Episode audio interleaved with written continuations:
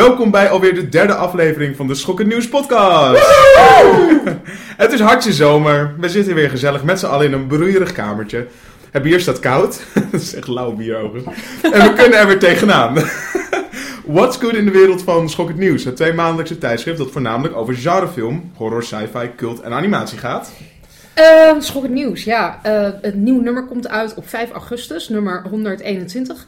Uh, dat gaat over The Forbidden Room, onder andere een essay over Tim Burton komt erin voor. Interview met de makers van The Windmill Massacre, uh, Nederlands Trots. Een nieuwe aflevering van Video Basta en een special over kindertrauma's. Uh, je kan Schokkend Nieuws kopen bijvoorbeeld bij Atheneum of bij AI. het is ook te bestellen via de site schokkendnieuws.nl. En we zijn ook te volgen via de social media, dus denk Facebook, Twitter en Instagram. En dit is alweer de aflevering van juli en het was afgelopen maand opvallend dat er net zoveel goede genrefilms de wereld in werden geslingerd als slechte. The Purge en The Shallows kregen mensen nog het meest enthousiast, maar iedereen werd een beetje zagrijnig van de Ninja Turtles, Stephen King verfilming Cell en Tarzan. Fijn nieuws kwam in de vorm dat John Carpenter toch echt wel betrokken is bij een nieuw Halloween, gemaakt door horrorgigant Blumhouse, terwijl iedereen zich hardop afvraagt waarom er eigenlijk een nieuwe Saw-film wordt opgenomen.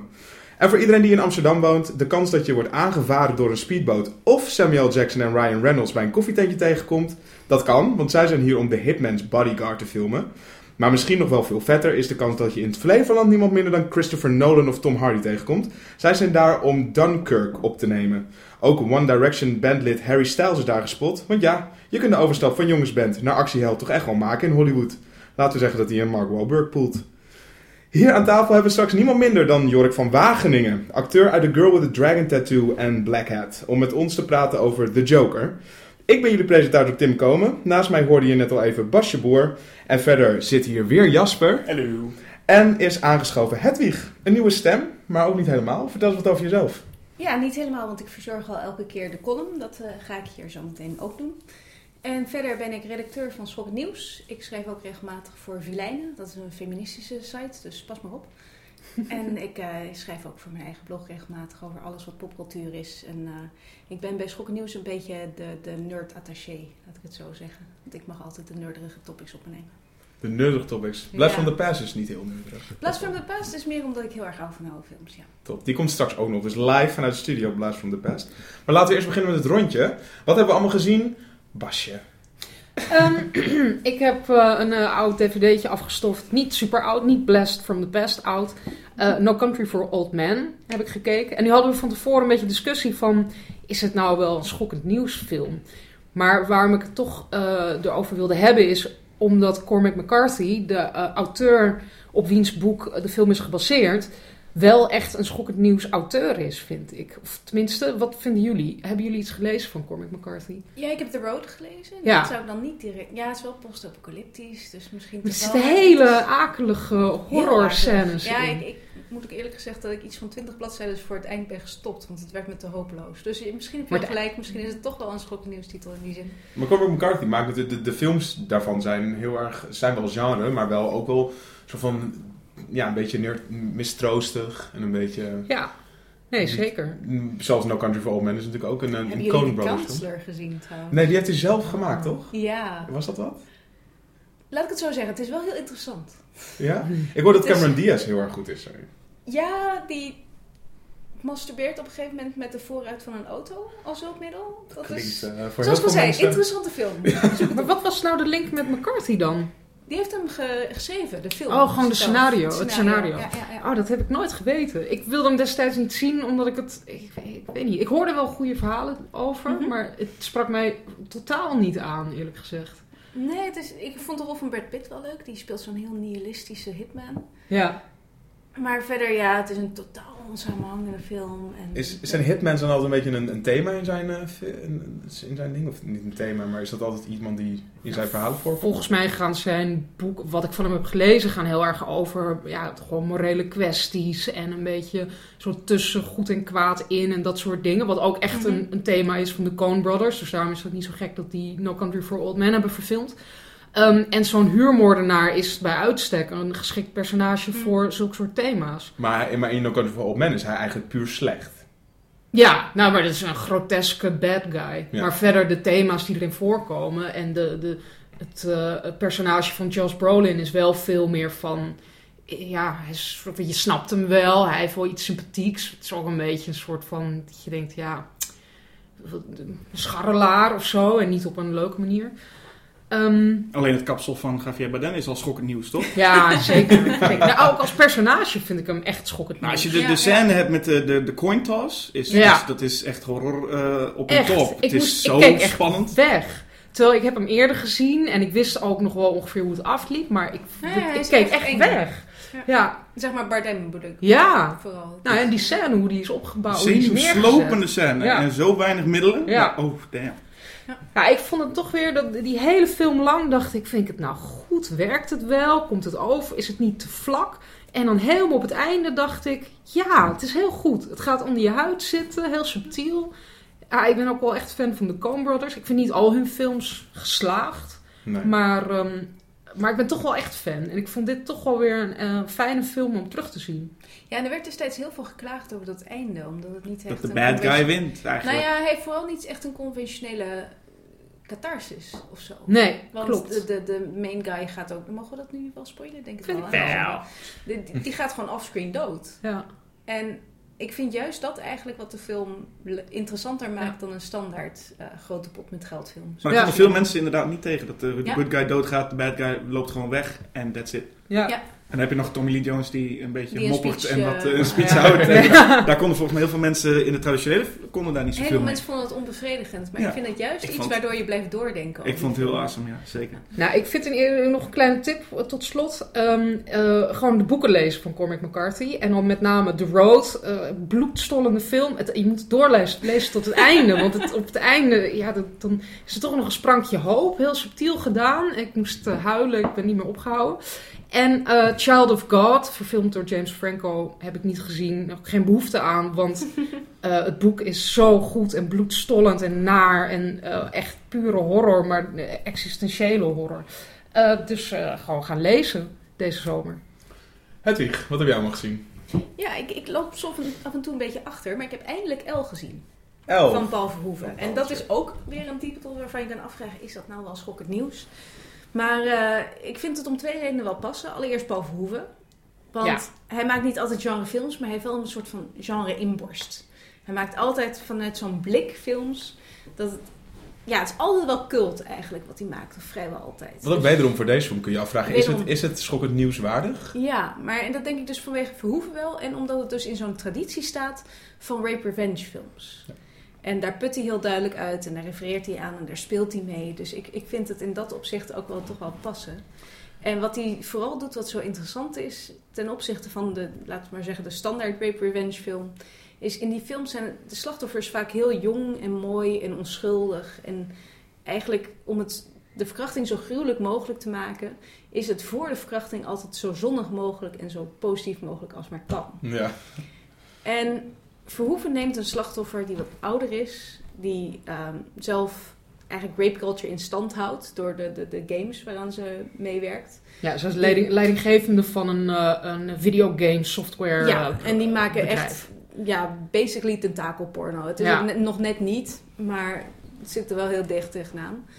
En eh, zij is ook iemand die, die een beetje seksueel dubieuze moraal heeft.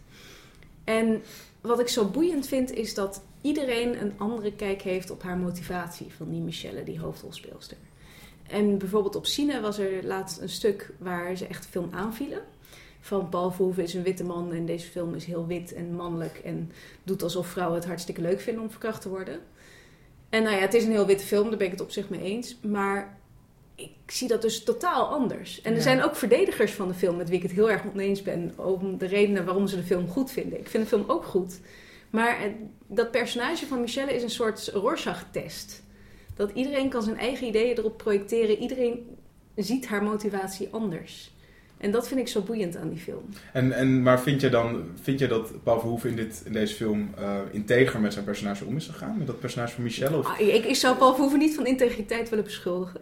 Het is, eh, hij zei ook al in interviews, we noemen hem nu zelfs feminist. Nou, maak je geen zorgen, zal ik niet Ja. doen. Maar eh, ik denk juist meer dat hij provoceert graag. En nou, juist- en hij laat graag zien dat, er, eh, dat niet alles zomaar goed is of zomaar Precies. slecht. En dus ja, hij speelt altijd met die tegenstellingen en dat vind ik heel interessant. Maar had, dan, had je dan niet bij deze film kunnen baten van zo'n tegenstelling voor de verkrachting en na de verkrachting, waar je nu de film ingaat en binnen twee minuten wordt ze al verkracht? Waarom Ja, heeft hij dan niet direct. het direct? Gewoon de opening van de film Ja. is natuurlijk die verkrachting. Want ook Waarom direct, dan je, je, je lacht eigenlijk direct in zo'n verschrikkelijke scène. Want je hoort dus eerst alleen de verkrachting. En dan krijg je je eerste beeld. En wat is dat eerste beeld? Het is een gezicht van een kat. Die daar een beetje naar zit te kijken en dan maar verveeld wegloopt. Want wat die mensen allemaal doen, wat kan het die kat schelen? Ja. En dus het is, het is altijd het plaagstootje dat hij geeft. Maar dat vind ik dus ook zo vreemd als mensen zeggen, dat je hoort het wel vaker van, eh, als niet alleen het hoofdpersonage zo plezier beleven aan haar verkrachting, wat ik, Wat ik totaal niet geloof Nee. overigens, ja.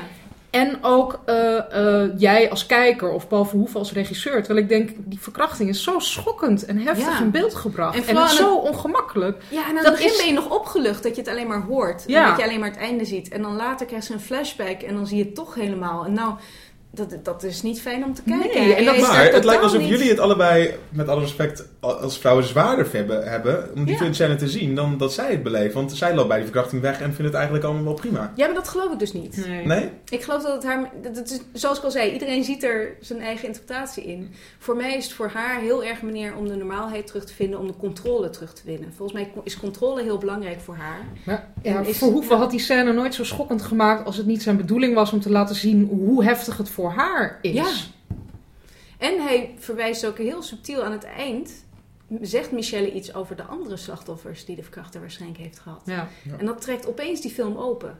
Want dan is het niet meer alleen haar verhaal, maar dan moet je opeens denken aan het feit dat dit is echt een man die slachtoffers maakt. Ja. Daarvoor is je alleen nog maar één boeman ja, die eh, en die ik denk dat juist omdat ze niet het perfecte slachtoffer is, omdat ze niet huilend in een hoekje gaat zitten, dat het een heel belangrijke film kan zijn ook. Om, om toch te laten zien dat niet iedereen perfect, het perfecte slachtoffer is, maar dat Nee. niet betekent dat je niet lijdt. Dat je Nee. niet, ja. Gaat deze film in het buitenland nog iets bijzonders doen? Denk je dat deze film bijvoorbeeld een Oscar kan winnen? Nou, ik denk in ieder geval dat er veel ophef over zou komen. Dus dat eh, ben ik wel benieuwd. Want wij zijn van de Dat, eerste eh, landen waar die uitkomt, toch? Ja, ja, Ja. want hij is in eh, mei in Cannes in première gegaan. En vrij snel daarna is hij toen geloof ik naar Nederland gekomen. Maar hij is in Amerika nog niet uit. Dus Interessant, benieuwd om... ik eh, ben wel heel benieuwd hoe dat En het is er ook fijn dat Verhoeven een, eindelijk nu, dat we het er zo over hebben, dat er goede kritieken zijn, dat hij weer een goede film heeft. Want ik dacht de hele tijd dat zijn oeuvre zou eindigen met of Hollow Man of Zwart Boek. Het is toch fijn dat hij nu Ja. Ja. even weer een... En hij heeft toch een fijn, eh, fijne plek gevonden in Frankrijk. Want Ja. in Nederland, eh, dat, dat, dat werkt gewoon niet. Het is te klein En en, Amerika veel kon deze controle. film niet... eh, ver- In de Verenigde Staten kan hij eigenlijk niet meer aankomen. nou, niemand wilde deze, deze rol spelen. Heeft Nou ja, ook maar los van dit script. eh, Ja. dit, dit, ja, hij, hij mag daar eigenlijk niet zoveel meer doen. Nee. Ehm, dus in Frankrijk, daar is hij helemaal op zijn plek. Daar is geld voor films, daar is respect voor films en eh, fijne En mensen om daar mee te werken. niet zegt ergens hij. dat iets pervers en provocatief Nee, is. daar Dat vinden houden ze daar van. juist goed. Dus eh, ik, ik zie uit naar meer Franse films van Paul Verhoeven. laat Ik ook. zeggen. We gunnen het hem allemaal. Ik heb ook een eh, Nederlandse een film van een re- Nederlands regisseur gezien met een vrouw in de hoofdrol. Eh, en ook de titel van de film, ook de naam. Namelijk Christen. en Christen is een eh, film van Mark Wijstra. Dat was de gast uit onze eerste podcast. Ehm, en hij eh, eh, heeft een eh, horrorfilm gemaakt over een vrouw, als je voor, het, voor, degene die niet hebben geluisterd destijds, over een vrouw die ehm, de bar opruimt van haar vader na oud en nieuw. Daar binnenkomt en de telefoon die gaat eigenlijk heel erg snel. Ze is alleen, ze is aan het wachten op haar vriendje. Telefoon gaat en een hele een eenzame man aan de andere kant, die is, is nog heel erg vriendelijk. Maar naarmate hij vaker begint te bellen in die nacht, ehm, wordt hij steeds nader en zegt hij op een gegeven moment, zodra jij één stap buiten deze bar zet, vermoord ik je. En zij zit ineens vast daar binnen. En ehm, het is heel interessant, want het is eigenlijk een beetje een, bijna een home invasion film. Alleen komt er dan dus niemand eh, zo snel binnen. Maar is dan dus de angst van wat ge- gebeurt er als hij naar buiten stapt. En wat ik daar heel erg eh, tof aan vond was dit keer... Je, je gaat eigenlijk die film al in met het idee van hoe gaan ze het oplossen met telefoons. In deze, deze, deze, dit tijdperk van social media. Hoe kunnen ze... Ja, deze vrouw, deze vrouw die is toch zo gered binnen vijf minuten. En daar heeft hij dan toch een hele interessante twist. En elke keer als je denkt, nu weet ik niet waar de film heen gaat... doet hij er toch wel weer iets heel tofs mee. Mhm. En ik vond het echt een ontzettend interessante horrorfilm. En, en eigenlijk een van de betere die ik in Nederland heb gezien. Oké. Dus dat is een, eh, ja, een, denk ik wel een compliment aan Mark Wijs. Jullie hebben allemaal niet gezien. Hier zitten we Nee, allemaal met grote vraagtekens. Nee, ja, gewoon geboeid zitten we te luisteren. Luisteren.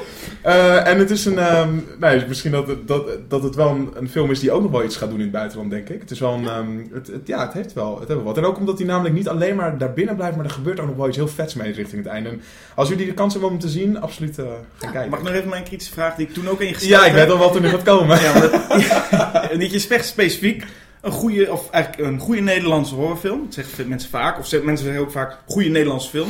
Als je het. Nederlandse nu eens weghaalt, hoe staat het dan als horrorfilm? Eh, ik vind het nog steeds een hele goede film. Echt, nou, nou, nou, dat vind ik het eigenlijk ook gewoon een hele goede film. Ja? Eh, het is, ehm, natuurlijk denk ik dat wij als Nederlanders wel een klein beetje eerder de sympathievote geven op het moment dat een, eh, dat een Nederlandse regisseur het heeft gedaan. Dat je dat dan toch wel, zelfs bij El met Paul Verhoeven, Ja. dacht ik ook, ging ik ook wel in van oké, het is wel een, een man uit Nederland. Eh, Mark Wijzer zat ook in de zaal, die ging daar ook nog een, eh, een Q&A doen van ongeveer een uur. Wat echt super interessant was, hoe hij die hele film eh, heeft gemaakt. Dat vond ik hem eigenlijk nog beter, want dan weet je ook nog eens de achterliggende gedachten. Dus een interessante vraag, want Kijk, ja, als ik kijk naar alle andere nederhorrors, dan komen bij mij even zo snel Slachtnacht bijvoorbeeld op, die ik verrassend leuk vond. Eh, een, een guilty pleasure. Van de... Maar bijvoorbeeld Dood Eind vond ik dan weer niet zo heel erg goed. Eh, maar bijvoorbeeld De Pool vond ik, eh, vond ik goed te behappen. Het zijn, eh, het zijn, ja, ik weet niet. Er, zijn, Nederlanders zijn nog niet perfect in horrorfilms, maar zeker zo goed als de Amerikanen. Maar ik vond dit wel een, eh, een deze, deze laveerde ergens tussen arthouse en horror. En ja, ik vond het een eh, goed, eh, goed gemaakte film. Ik Is dit het antwoord wat je wilde horen, Jasper? Ik Want je ben, ik ben tevreden met dit antwoord. Ja, nee, zo kijk ik nou eenmaal. Ehm, wat heb jij dan gezien? Ja, zal ik na deze drie mooie positieve verhalen even wat, eh, wat pessimisme in, het, in de groep Oeh. gooien? Woehoe. Ja, nee, ik eh, ben even geen film. Wie kijkt er tegenwoordig nog films überhaupt? Hè? Het is eh, televisie toch vooral. Ja. Daar heb ik, ja, ik loop net als Hedwig, ik loop ook achter. Dus ik ben eh, weer wat gaan kijken wat betreft televisie. Als horrorfan. Eerst Game of Thrones afgekeken. Dat seizoen is nu afgelopen. Mhm. Deel 6. jullie het ook gezien? Nee. Nee, ik zit nog ergens halfweg Nee. seizoen 4. Oké. Ja. Je hebt- Heb jij het Ja, gezien? ik heb het gezien. Oké. Maar ik weet niet hoeveel we erover moeten vertellen. We gaan er niks verder over vertellen. Dat is, eh, Game of Thrones is afgelopen en dat weet iedereen inmiddels inderdaad. Ik heb een beetje een liefde-haatrelatie met Game of Thrones. Soms kijk ik en denk ik, wauw, geweldig. Soms denk ik, waarom kijk ik dit ook alweer? Datzelfde heb ik met The Walking Dead. Soms is het echt heel tof. En soms denk ik, wie is dit ook alweer? Waarom kijk ik dit? Wat duurt dit lang? Maar The Walking Dead was afgelopen. Zombies, je denkt als horrorfan, weet je wat, ik ga ervoor. En toen kwam Fear the Walking Dead, de spin-off. Het eerste seizoen gezien. Ik vond het vrij mager en matig. En wat doe je dan? Dan ga je het tweede seizoen ook maar kijken. Ja, zo gaat het. Dat is heel vervelend het ergens. De verslaving van Dit is waarom ik geen tv-series kijk. Nee, bij films kan ik het ook niet. Ik kan niet half, een halve film Dan ben je kijken. ineens weer 12 uur verder, toch? Ik Maar- bedoel, dat is best wel Ja, heftig. het is best wel heftig. Het is En, dan, weer een tijdsinvestering. en als je het dan niet goed vindt, is het heel erg. En dan komt er volgens het tweede seizoen. Was dat beter? Het was nog erger, vond ik zelf. Oh. En dat was heel jammer. Ik had gehoopt dat het beter zou worden.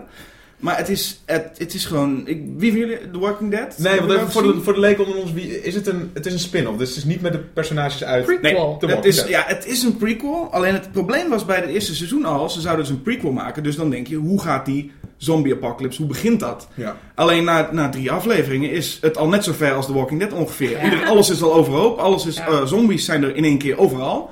En dan denk je, oké, nu is het gewoon een Dat tweede Walking Dead. Dat is ook het probleem met zombies. Dat het is gewoon what you see Ja. is what you get. Je kan niet een soort van interessante karakterontwikkeling van een Nou, bad guy Je of kunt, zo. maar je kunt wel à la George Romero, je hebt Night of the Living Dead, Dawn of the Dead. En dan krijg je Day of the Dead, waar The Walking Dead een beetje in zit. Dat wereldje wat al bijna vergaan is.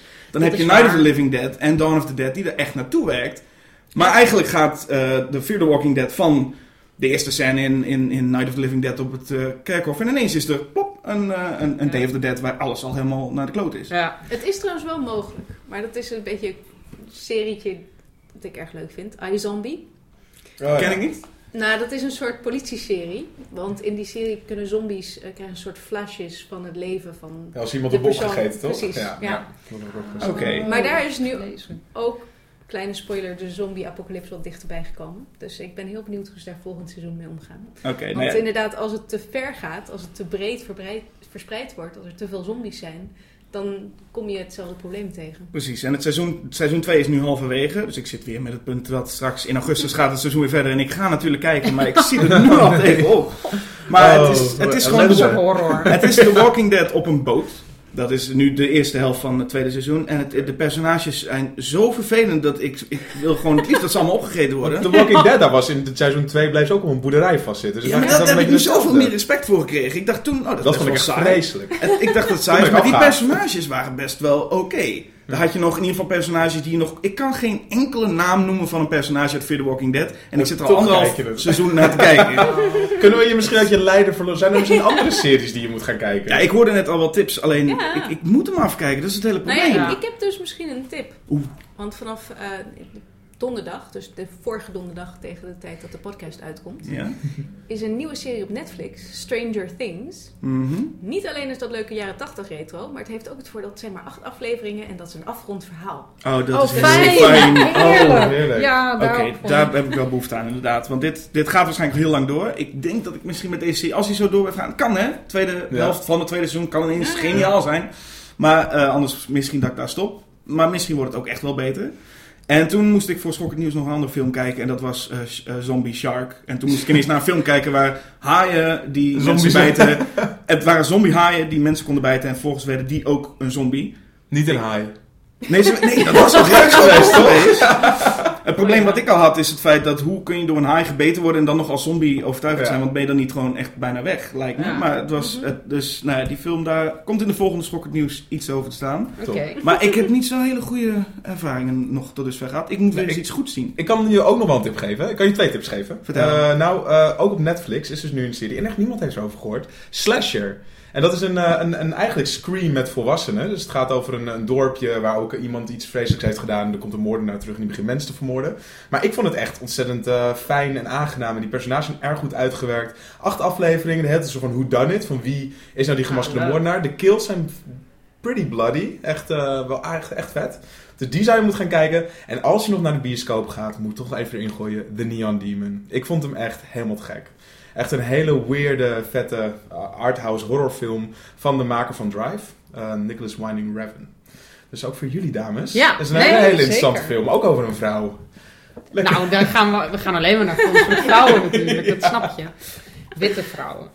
L is eh, nu te zien in de filmtheaters en bioscopen. Eh Fear the Walking Dead eh, schijnt al uitgezonden geweest te zijn eh, de- in Nederland. Het gaat nog weer door. Oh, Augustus. Ja. Zo, we zitten klaar. eh Christen is verkrijgbaar op DVD en VOD. En No Country for Old Men op DVD. Wauw, dankjewel. En dan gaan we nu luisteren naar eh, de live. ben je er klaar voor? ik ben er klaar voor. De live column van Hedwig van Driel. Dit is Hedwig met Blast from the Past, live uit de studio. 4 augustus komt Suicide Squad uit. Het is een superheldenfilm, maar dan met een twist. De super slechterikken spelen dit keer de hoofdrol. Ze worden door de regering ingezet voor goede daden, vooral van het erg gevaarlijke soort. Want als ze doodgaan op een missie is dat niet zo erg. En als ze niet gehoorzamen kunnen ze altijd nog worden uitgeschakeld. Nou, regisseur van de Suicide Squad is David Ayer, die ook de Tweede Wereldoorlog film Fury regisseerde. En die beschreef zijn film als The Dirty Dozen with Supervillains. Nou, dat gaf direct een mooie aanleiding voor The Blast from the Past, want we gaan het hebben over The Dirty Dozen. En dat is een film uit 1967, geregisseerd door Robert Aldrich. En als je denkt, waar ken ik die van? Die kan je kennen van Kiss Me Deadly bijvoorbeeld, een hele goede film noir. En Whatever Happened to Baby Jane. Nou, waar gaat de film over? Eh, Major John Reisman, gespeeld door de badass aller badass Lee Marvin, die krijgt tijdens de Tweede Wereldoorlog een opdracht. Hij moet van twaalf veroordeelde, gevangen, veroordeelde gevangenen een samenhangende eenheid maken. Laten we het een squad noemen. Ze moeten op een gevaarlijke missie naar Frankrijk, naar een Frans château, waar allerlei hoge pieven van de nazi's vergaderen. Maar ja, eerst moeten ze getraind. De film bestaat daarom uit drie delen.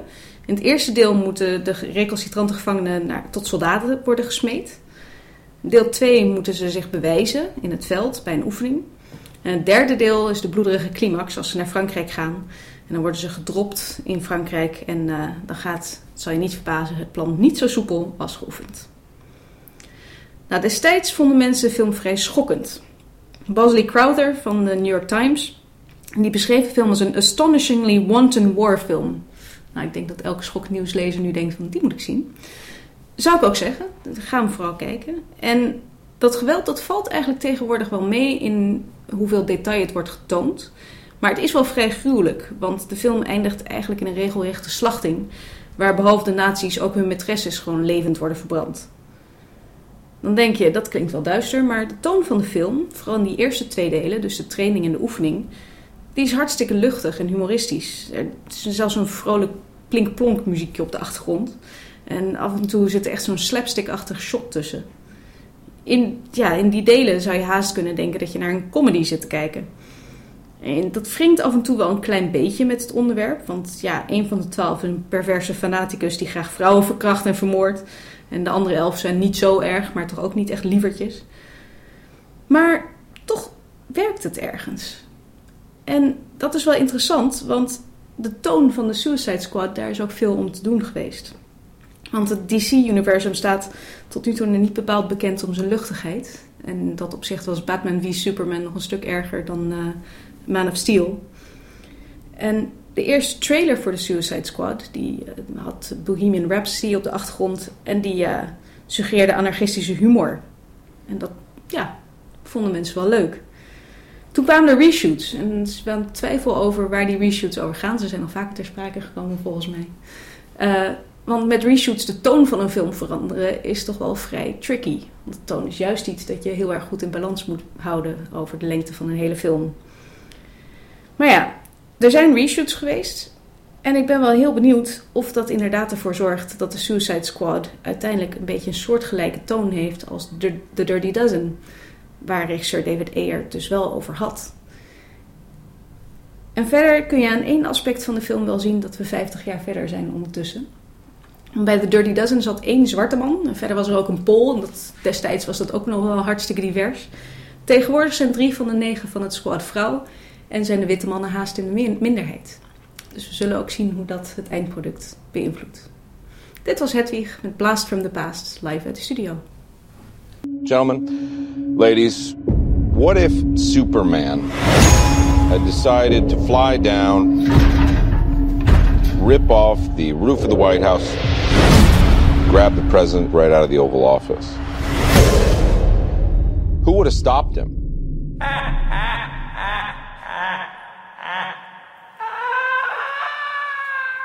Deadshot, Harley Quinn, Rick Flag, Boomerang, El Diablo, Katana en Killer Croc. Dit zijn niet de eerste namen die in je opkomen als je denkt aan striphelden. Deze boeven uit DC Comics zoeken elkaar op onder leiding van Amanda Waller om een nog groter gevaar aan te gaan. Een team bestaande uit bad guys dus.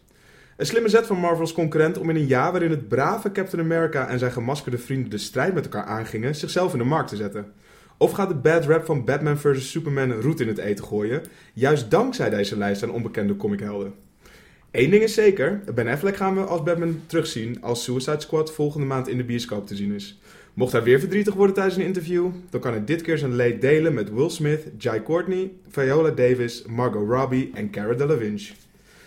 De lachende derde kan echter nog wel eens acteur Jared Leto worden. Hij ging method voor zijn rol als The Joker, overigens de enige herkenbare naam uit het rijtje bad guys van non-comic fans, en liet zich meer dan eens uit over de fysieke tol die de rol eiste.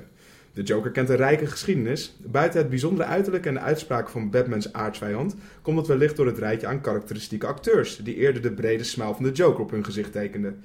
Jack Nicholson, Caesar Romero, Heath Ledger, karakteracteurs die hun eigen draai gaven aan de giechelende gek. Daarover gaan we het hebben met Nederlands bekendste karakteracteur. Iemand die je kent van films als The Chronicles of Riddick, Black Hat, Oorlogswinter, The Girl with the Dragon Tattoo en binnenkort Storm, Jorik van Wageningen. Yo, Jorik, jij speelt dikwijls bad guys. Um, wordt zij dan altijd zo gecast? Of is dat iets, uh, denken mensen gewoon niet bij jou, dat ze ook een good guy kunnen zijn? Um, nee, dat denken ze wel eens. Um, uh, en ik speel ook wel eens good guys. maar ja, eh, bij bad guys komen ze ook wel eens uh, bij mij uit. Ja. Voel je daar wel fijn bij? ja, ja het, is, het, is, het, is, het is altijd spannend om te doen. Het is om... Um, ja, het is interessant. Maar je moet wel iets, het moet wel iets, iets hebben of zo. Het moet wel iets toevoegen. Want als je alleen maar een bad guy uh, speelt, dan is dat niet, niet, niet echt interessant. Nee. Um, dus het moet, um, je moet er iets, iets in, in mee kunnen brengen. Of het moet interessant zijn om, om bijvoorbeeld met Fincher te werken. Dat is... Uh, ja, als we naar die bad guy kijken. Um, Buurman, dat is natuurlijk een heftige man. Die, uh... Dat is een heftige man. En hoe, heb je, hoe, hoe bereid je daarvoor? Dat is misschien een hele standaardvraag, maar wat, hoe, wat doe je om, uh, om, om in die zone te komen? En hoe was dat proces voor jou? Nou, um, ja, dat is zeg maar eindeloos praten. Vin, Fincher, um, ik denk dat wij in april gingen draaien. En ik denk dat ik Fincher en Steve Zalian, de schrijver, en Rooney... En eh Sian, de vrouw van Fincher, in december heb ontmoet voor het eerst. En ehm, ehm, daarvoor hadden we een beetje over de telefoon gesproken. En toen hebben we eh, gesproken over, over het personage en wat we ermee wouden en wat we dachten. En, ehm, en, dat, en dat, dat praten, dat gaat maar door. Dat is, eh, toen denk ik, ik ben eind januari naar Los Angeles gevlogen waar we het draaiden. En, ehm, ehm, en toen hebben we maar door, doorgesproken erover en, eh, en wat we ermee wilden. En we wilden, ik heb de het, de Zweedse niet gezien, maar ehm, we wilden in ieder geval niet zo'n zo'n voor de hand liggend monster van maken. Want dat, is, eh, dat, vonden we allebei niet zo interessant. Ga je dan ook echt een backstory voor zo'n rol? Hoe, hoe diep gaat dat? Eh, nee, ik, want eh, daar, daar, ik ben niet zo van de big stories. Ik ben niet zo van het method, eh, het method ding.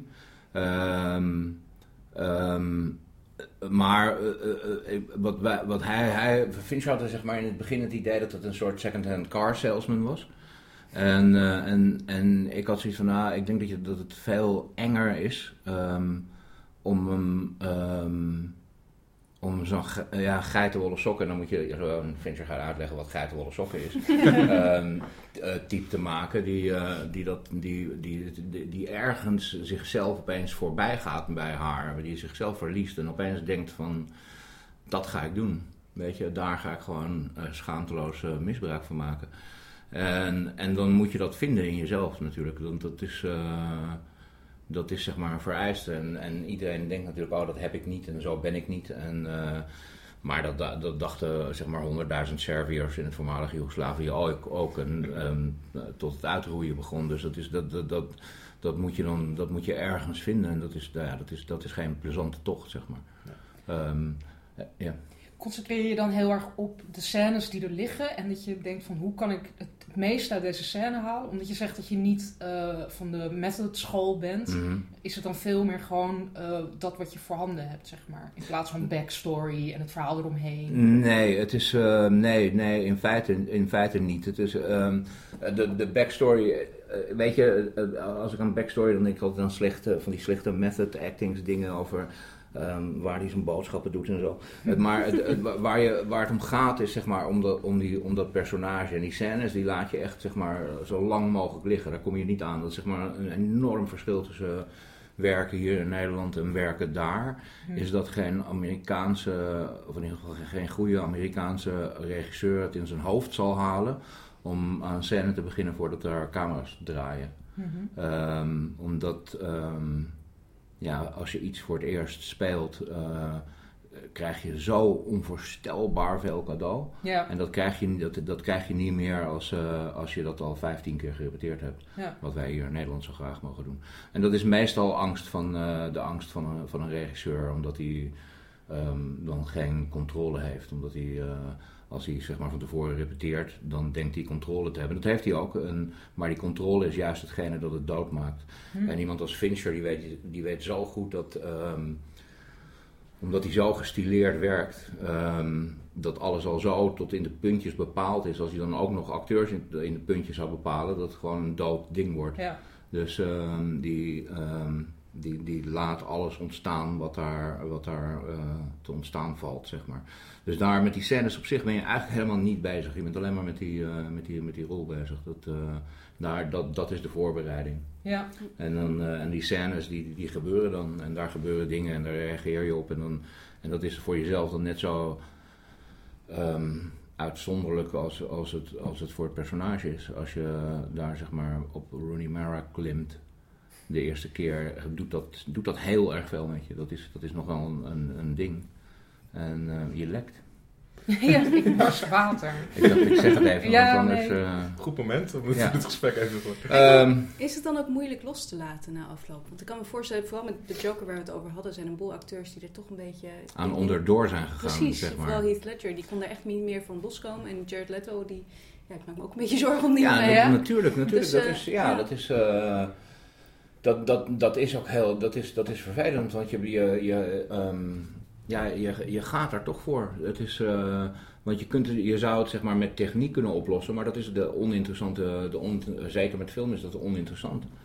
En, ehm, en met theater trouwens ook, want bij theater re- repeteer je natuurlijk wel. Ehm, maar daar repeteer je weer zoveel dat je daar vrij van komt. Dus dat je een soort scala mogelijkheden opbouwt eh, waar je uit kunt kiezen elke avond eh, als, je, als je het speelt. Ehm, ja, het is natuurlijk het is, het is heel erg ja, het, het, het is heel erg zwaar. Is ehm, ehm, ja, omdat, je dat, omdat je naar dat deel in jezelf op zoek moet die dat doet, die daar, voldoening, uit, die daar voldoening uit krijgt. En, eh, en het was wel zo dat, het, dat was, iedereen was daar enorm van bewust op de, bij de set en, eh, en, en Fincher zelf. En, en dus dat, dat, was, dat was heel voorzichtig allemaal opgebouwd. Daarom hadden we, leerden we elkaar ook al vier maanden van tevoren kennen. En, eh, zodat je zoiets, want omdat je toch iedereen weet dat je daar doorheen moet. En, en, en natuurlijk niet ik alleen, maar, maar Rooney ook. En, en wij vonden allebei zeg maar, het, het, het, het, het, het mishandelen van de ander erger dan het mishandeld worden. Ehm, Interessant. ja, ja. En begrijp je die vorm van method acting die bepaalde acteurs dan doen? Begrijp je het wel dat ze dat doen, zoals een Heath Ledger? Of vind je het eigenlijk een beetje bullshit? Ah, nee, ik denk dat, ik denk dat, Heath, dat, eh, ik denk dat Heath dat ook niet doet. Ik denk dat Heath ook zeg maar, eh, hetzelfde doet, zeg maar, de, de, de, de, de, de, die rol probeert te doorgronden. En, wat, wat Heath, wat Heath, en kijk, en dan wordt dan. Acteren, goed acteren, denk ik, is altijd een soort, een soort samensmelten van een personage. En eh, eh, mijn, mijn grote meester, eh, leermeester Karst Woudstra, die zei altijd van de, de, de, belangrijkste taak van een regisseur is om de angst weg te nemen bij de acteur om te versmelten met zijn personage. Nou, dat is bij zo'n rol natuurlijk helemaal van, van belang en hetzelfde bij Heath ook. En het is, altijd, het is altijd een deel van jou en een deel van zo'n rol. En omdat je die zeg maar inmixt, wordt het geloofwaardig. Omdat ze zien dat er een echt mens is, namelijk jij. ehm, eh, en zo'n personage. En als dat, als dat maar afwisselt, dan, dan, dan, dan wordt dat personage een echt mens. En, eh, en, en, en dat, daar, dat heeft Heath natuurlijk eh, fantastisch gedaan. En, en hij heeft daar natuurlijk ook dat, weet je, het is die, dus zijn eigen doodsverlangen. Want ik bedoel, als je, als je kijkt gewoon naar foto's van Heath Ledger door de jaren heen, dan zie je dat ook. Je ziet dat in zijn, in zijn, in zijn gezicht. Ja. En, eh, en dan, dan kan hij dus gewoon allemaal, dan kan hij doen wat hij wil. Dan kan hij voor zo'n zo'n bedmobiel gaan staan die keihard op hem afreist. En dan zie je dat hij inderdaad denkt van ja, eh, eh, shoot me. En, het, en het, wat, wat, hij, wat, heel, wat hij heel knap heeft gedaan is ehm, zeg maar die make-up. Ehm, dat- vage en dat inconsistente en dat, ehm, dat halve en dat halve weggezweten make-up, dat legt hem bloot. En dat maakt, het, dat maakt het zo sterk. Dat maakt daar een mens van. Dat, en dat wil je. Dat, eh, en dan kan hij alle capriolen uithalen. die, die hoe heet die? ehm, Nolan? Nee, nee die, die andere beroemde Joker. ehm, Jack Nicholson. Oh, Jack Ja. Nicholson, eh, de- die ook uithaalt. Maar bij Jack Nicholson zijn het capriolen. En bij hem denk je, oh my, oh fuck, wat, wat, wat zit hieronder? Dus de grote vraag, Jack Nicholson of Heath Ledger, die voor ongetwijfeld wel aan bod komt. Als je die moet beantwoorden, zeg je dan nu Heath Ledger was een betere Joker? ten- ten alle tijden, ja. Ja, zeker. Ja, Hoe absoluut. vind je Jack Nicholson, Nicholson überhaupt? Vind je Ja, dat het is, een het is- ja, ja, ik vind een, eh, ja, ik vind een, eh, vind, vind een fantastisch acteur. Het, is een, het heeft een, een limited range. Ehm, weet je, Heath had een veel breder, eh, een, een, een, onvoorstelbaar breed eh, assortiment. Weet je, als je, als je kijkt naar, naar Cinderella of Candy of uh, The Joker of Brokeback Mountain, dat zijn zulke essentieel andere rollen. En, um, en die, de, dus die, heeft, die heeft dan veel meer. En, Nicholson is op een gegeven moment achter, ja, achterover gaan leunen en 20, heeft 20 miljoen dollar per film geïncasseerd. En dacht, nou, dat is mooi zo. Ja. En alle, alle, alle filmfans, of in ieder geval nee, de comicbook fans vooral, die waren allemaal heel erg. Toen Heath Ledger gecast werd, zeiden ze, nou, dat kan zo'n pretty boy nooit doen. Hoe was jij als acteur? Hoe dacht jij toen? Weet je dat nog? Toen hij gecast werd, wat je toen dacht? Um, ja, nee, ik, ik, wist dat hij dat fenomenaal, ik wist dat hij dat geweldig zou doen. Dus, uh, um, ja, omdat ik gewoon weet hoe, hoe, hoe een onvoorstelbaar veelzijdige, veelzijdige acteur die is. En, uh, en, en, en hoe die daarin zal gaan en hoe die dat. Uh, um, ja, weet je, ik kende hem en ik, ik ken uh, Tom Hardy ook. Um, en als je. naar, naar dan, dan, ik, je weet van tevoren al dat, dat Heath de interessante, eh, het interessante personage in zo'n, omdat Tom zeg maar zo'n heel ding bedenkt waar hij ook, waar hij perfect in is, in het, in het maken van zo'n rol. Maar daar, daar komt dan nooit iets menselijks door, wat, wat, wat Heath altijd kan. Dat, Ja. is, eh, dat, is, het, dat is het schitterende aan hem. Dat, eh, Maar is de Joker ook niet toch uiteindelijk een interessanter personage waar je, ehm, waar je meer mee kan, denk ik? Dan dat het, weet ik eh, niet. personage van Tom Hardy uit eh, Precies. Dark Knight Rises bedoel je? Ja, Nee, nee, nee, maar nee, dat, ik denk dat dat een, dat het, het, het, nee, ik denk dat Bane, dat, dat, dat zeg maar, dat hij de beperking heeft gemaakt daarvan. Het is, eh, want de Joker van, van, van, van Ledger was niet dat, Nee. wat hij ook deed, maar het was, het was wat daaronder zat. Ja. En, eh, en, en, en Tom haalt dat, gooit daar van alles overheen. Ik weet niet waarom hij dat doet, maar, ehm, en dan komt er wel iets, iets, iets nou ja, wa- waanzinnigs uit. Maar het is op de een of andere manier, omdat je dat, omdat, omdat je dat menselijke nooit krijgt, ga je daar niet voor. Dus bij, bij Heath denk je voortdurend, what the fuck is going on? ja. En bij, bij Bane heb je dat niet. Nou, ze hebben nu wel weer opnieuw een Pretty Boy gecast. Ja. Wel eentje die al heel lang zijn best doet om niet zo mooi meer te zijn. Maar En ook een Ik- Oscar natuurlijk heeft gewonnen. ook een Oscar. Maar ik, ik denk nog altijd vooral aan, hem, aan die jongen uit Fight Club... wiens gezicht in elkaar wordt geslagen omdat hij te mooi is. ja. En Maar het wemelt sowieso van de pretty boys en de pretty girls eh, in, eh, in, in al die films. Dus ik- misschien is dat gewoon het probleem. En niet, eh, tenminste, Heath Ledger was uiteindelijk veel meer dan die pretty face. Maar ehm, ja, een goede karakterkop, dat, ik, ik zie het niet zoveel meer eigenlijk. In hoeverre was Jack Nicholson dat dan? Want dat is toch, was er altijd wel een pretty man. Maar was hij ten tijde van Batman niet meer zo'n pretty Nee, Ja, man? maar dat was 1989, dat is alweer lang geleden. En eh, ik heb het idee dat het nu heel erg eh, eh, tijdperk van de mooie mensen is. En dat vind ik soms, heb ik het gevoel dat dat wel, ehm, ja... dat er minder persoonlijkheid in zit dan...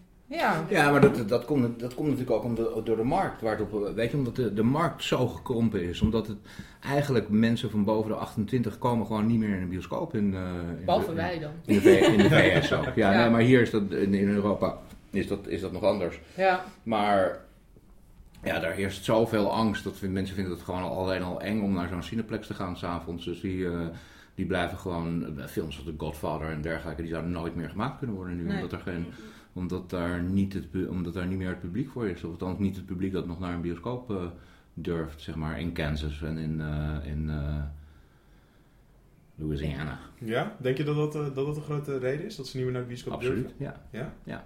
Maar dan heb je het ook over de shootings en zo. Dat, dat, of heb je daar... Nou, nee, mensen, Amerikanen zijn gewoon bang en die, die komen dan liever niet buiten s'avonds. Dus zo simpel is het. Die gaan in ieder geval niet meer naar de bioscoop. Hm.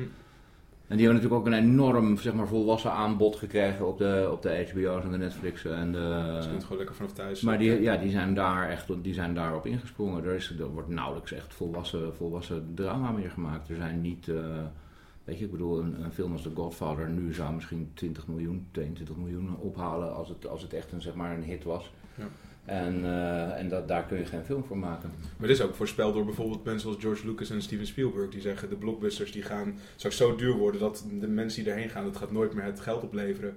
En verder gaat, er, er is geen tussengrens meer. Of tussen, tussen maat meer. Tussen- Nee, nee, nee, nee, maar- zelf en die blockbusters uh, Ja. leven Ja. geroepen. Dus dat ja is het ook is wel weer totaal een beetje... hypocriet. Ja. Maar, eh, maar Ja. eh, toch ben ik ze wel dankbaar. Ja, Wordt, wordt dit, dit de grote blockbuster van eh, de zomer, Suicide Squad? ik denk het niet. Nee? Waarom niet? Ik denk niet omdat het eh, te onbekende personages zijn. Omdat Batman v Superman eigenlijk is geflopt. Ja, dat is raar om te zeggen geflopt van een film die honderden miljoenen heeft opgehaald. Maar hij kost meer. 100 Heeft hij, miljoen. heeft hij honderden miljoen opgehaald? Ja, het Ja. staat nu wel in top 10 of top Oh, ja. 15 van best bezocht films. eh Ja. tijden. Ja, maar hij is wel Ze veel hoger sneller gegaan. ingezet. Ze hadden hoger ingezet en het was een heel dure film. En ja, ik zie het met Jared Leto niet zo gebeuren. Hij, hij, hij doet te veel zijn best. Ja, maar is Nee, nou, ik, nou ik wat je krijg echt zegt... zo'n try-hard vibe van hem. Ik geloof ook niet dat Suicide Squad de grote hit gaat worden. Maar we moeten wel zeggen, wat je, als je eerste argument... eh, onbekende personages. Guardians of the Galaxy. Een boom en een wasbeer. Mhm. Dat is de grootste... Nou, een van de... Ja, en die proberen ze ook duidelijk na te doen. Want Guardians of the Galaxy had Precies. ook zo'n trailer Ik met kreeg een zo'n eh, vibe ook. popsong. Zeker. En dat hebben ze nu opnieuw geprobeerd. Maar dus, de, dus ja. eigenlijk zou je zeggen, als je kijkt naar de feiten, zou je denken, nou, dat zal dus wel een heel grote hit Alleen- kunnen worden. Guardians of the Galaxy was heel erg ook voor een jonger publiek. En dat is Suicide Squad expliciet niet. Dat wil juist een Is beetje... het ook zo- rated R uiteindelijk? Weet ik niet, maar het is, ik zou daar niet mijn kinderen naartoe sturen, bij wijze van spreken. Eh, ze zetten toch in op een soort van sexy en een beetje stout en stoer. Ik gebruik nu hele foute woorden. Maar eh, Guardians of the Galaxy was toch veel meer een familiefilm ook. En eh, voor ja. breed publiek. En daar haal je geld mee op. En Guardians of the Galaxy had hele goede word of mouth. Ja, Dat maar dat is bij Suicide Squad nog... Die, die Dat zou goed kunnen. kunnen. zou kunnen. Dat zou nog goed kunnen. Ik denk dat het een hit wordt hoor. Ik denk dat het een hit wordt. Ja? Ja, ik denk zelfs een, ik denk zelfs dat het een grote hit wordt. Ja? Het Ja. zal heel erg van de toon afhangen. Het zal heel erg, eh, want het is nog steeds niet duidelijk of het nou echt een actiefilm gaat worden of een comedy. nee. En ik denk dat Ja. die twee kanten, de kant, het kan nog alle kanten eigenlijk op. Het zal beide worden, toch? Ja? Dat denk ik wel. Ik neem aan dat ze echt op de comedy gaan inzetten. Want dat Ja. die laten ze zien dat dat moet. Ja. Eh, maar de actie zal er ongetwijfeld in zitten. Want zal je deze film zonder actie doen, dan... Ja, want de reshoots die, eh, waar, waar zo over werd eh, gebericht, in het, eh, die ook al een paar keer hebben opgeroepen. Bij elke podcast. podcast. Ook De, ook de nodig. volgende keer moeten we het er weer over hebben. En dan gaan we zeggen van nou jongens, dit is het geworden. Of, De eh, reshoots. ja. Eh, die schijnen wel echt op, op basis van actie te zijn gebeurd, niet eh, comedy. Maar goed, Nou, dat is en een, om Deadpool eh, ja. een beetje te proberen na te doen. Ja. Ja. Want dat was echt de onverwachte hit van eh, het voorjaar. Ja, dat is waar. Eh, nog even terug naar de Joker. Want Jared Leto, die ehm, ik ga dus nu de Joker spelen. Wat denk jij daarvan, Jorik? Wat gaat hij het goed doen? We Ja, hebben het net al gehad over Heath. en, ja eh, zeker. Jack. Want ik bedoel, Jared is natuurlijk ook de, iemand die, er, die erin gaat en die er. eh, ehm, ik denk dat dat een, ja, ik denk dat een uitdaging is. Het, het, het lef alleen al om dat te doen naar Heath Ledger, want daar wil natuurlijk nooit meer iemand aankomen. Dat is, eh, ehm, maar als, als, er, als je het aan één iemand zou toevertrouwen, zou het, hoe zou het ehm, Jared zijn, denk ik, ja. Wat zijn het ook jongens die heel erg... Nou, Heath sowieso, maar is Jared is volgens mij ook wel iemand die heel erg struggelt met... In zijn privéleven met, ehm, zijn, met, met eh, depressie en Ja, met verslaving en dat soort eh, ja natuurlijk. zaken. Ja, natuurlijk. Is dat, is dat gebruik- nodig voor, voor zo'n rol? Is, moet het altijd? Nou ja, ik, ik weet niet of het, het nodig is, maar het geeft natuurlijk wel een extra dimensie eraan. Weet je, het is. ehm, ehm, ja, bij Heath is het, bedoel je, ja, het was, het, het was zeg maar gewoon de, de voorspelling van zijn eigen dood, was Ja. het. En ja, maar ik denk dat dat, dat niet alleen bij, bij dat soort rollen is, maar bij, bij, bij veel rollen als, eh, als daar iets, als daar frictie is bij een acteur of eh, in zijn personage, dat, dat, dat, komt er, dat neem je mee. Dat is, eh, dat, eh, je zou wel gek zijn als je dat niet deed, zeg maar. Maar dat, P- die PR, dat nieuws was onlangs dat Heath, of, Jared Leto ook eh, hele raar cadeautjes stuurde naar zijn eh, mede-castleden. en een rat, volgens een levende rat ook gestuurd had naar iemand. Ja, Maar dat is toch pure. PR, lijkt mij. Dat klinkt mij echt als, als, als PR, niet nee, als... nee, nee, nee, nee, nee, nee. Is dat echt iets van, dat, dat doet hij persoonlijk? Nou, dat kun je doen, ja, zeker. Het voelde mij voor mij heel erg dat ze dat Ik denk neergezet dat hij hadden. het doet, maar ik denk wel dat zonder de goedkeuring van het PR-team dat soort verhalen niet door zijn kast, eh, zeg maar, Ja, dat- castmates naar buiten worden gebracht. Ja, ja. Ze gebruiken dat ook weer om Ja, een beetje... maar ik, ik heb er geen twijfel over dat hij dat soort dingen daadwerkelijk doet. Daar zie ik hem wel voor aan. Ja, het leek me heel erg naar Heath Ledger, omdat daar in die, dat verhaal heerst. Hè. Hij, heeft, hij is helemaal opgegaan in zijn rol. En dat nu bij Jared Leto, ja, die kan niet zomaar zeggen van... nou, ik deed deze rol en gewoon een normaal interview geven. Die moet ook daarnaast... Ik had het al een beetje verwacht dat dit soort verhalen zouden komen. En dan, Nou, maar je moet, je moet natuurlijk... eh, Kijk, eh, een groot gedeelte van zo'n rol is ook de andere. Weet je, de, je wordt... De, je wordt het, het, eh, eh, eh, hoe geweldig ehm ehm, ehm, Heath ook was. Het, is ook, het wordt gemaakt ook door Christian Bale. Ja. Die rol wordt gemaakt ook door Christian Bale. Omdat hij daar zo mechanisch, stoïcijns tegenover staat. Daardoor kan, kan Heath doen. Ja. En, eh, en, en dus je moet, dat moet je een beetje gaan, dat moet je gaan bespelen, zeg maar. Dat moet je, eh, je moet ehm, de mogelijkheid geven dat dat zo kan zijn. Dat je zo'n eh, rat bent, zeg maar.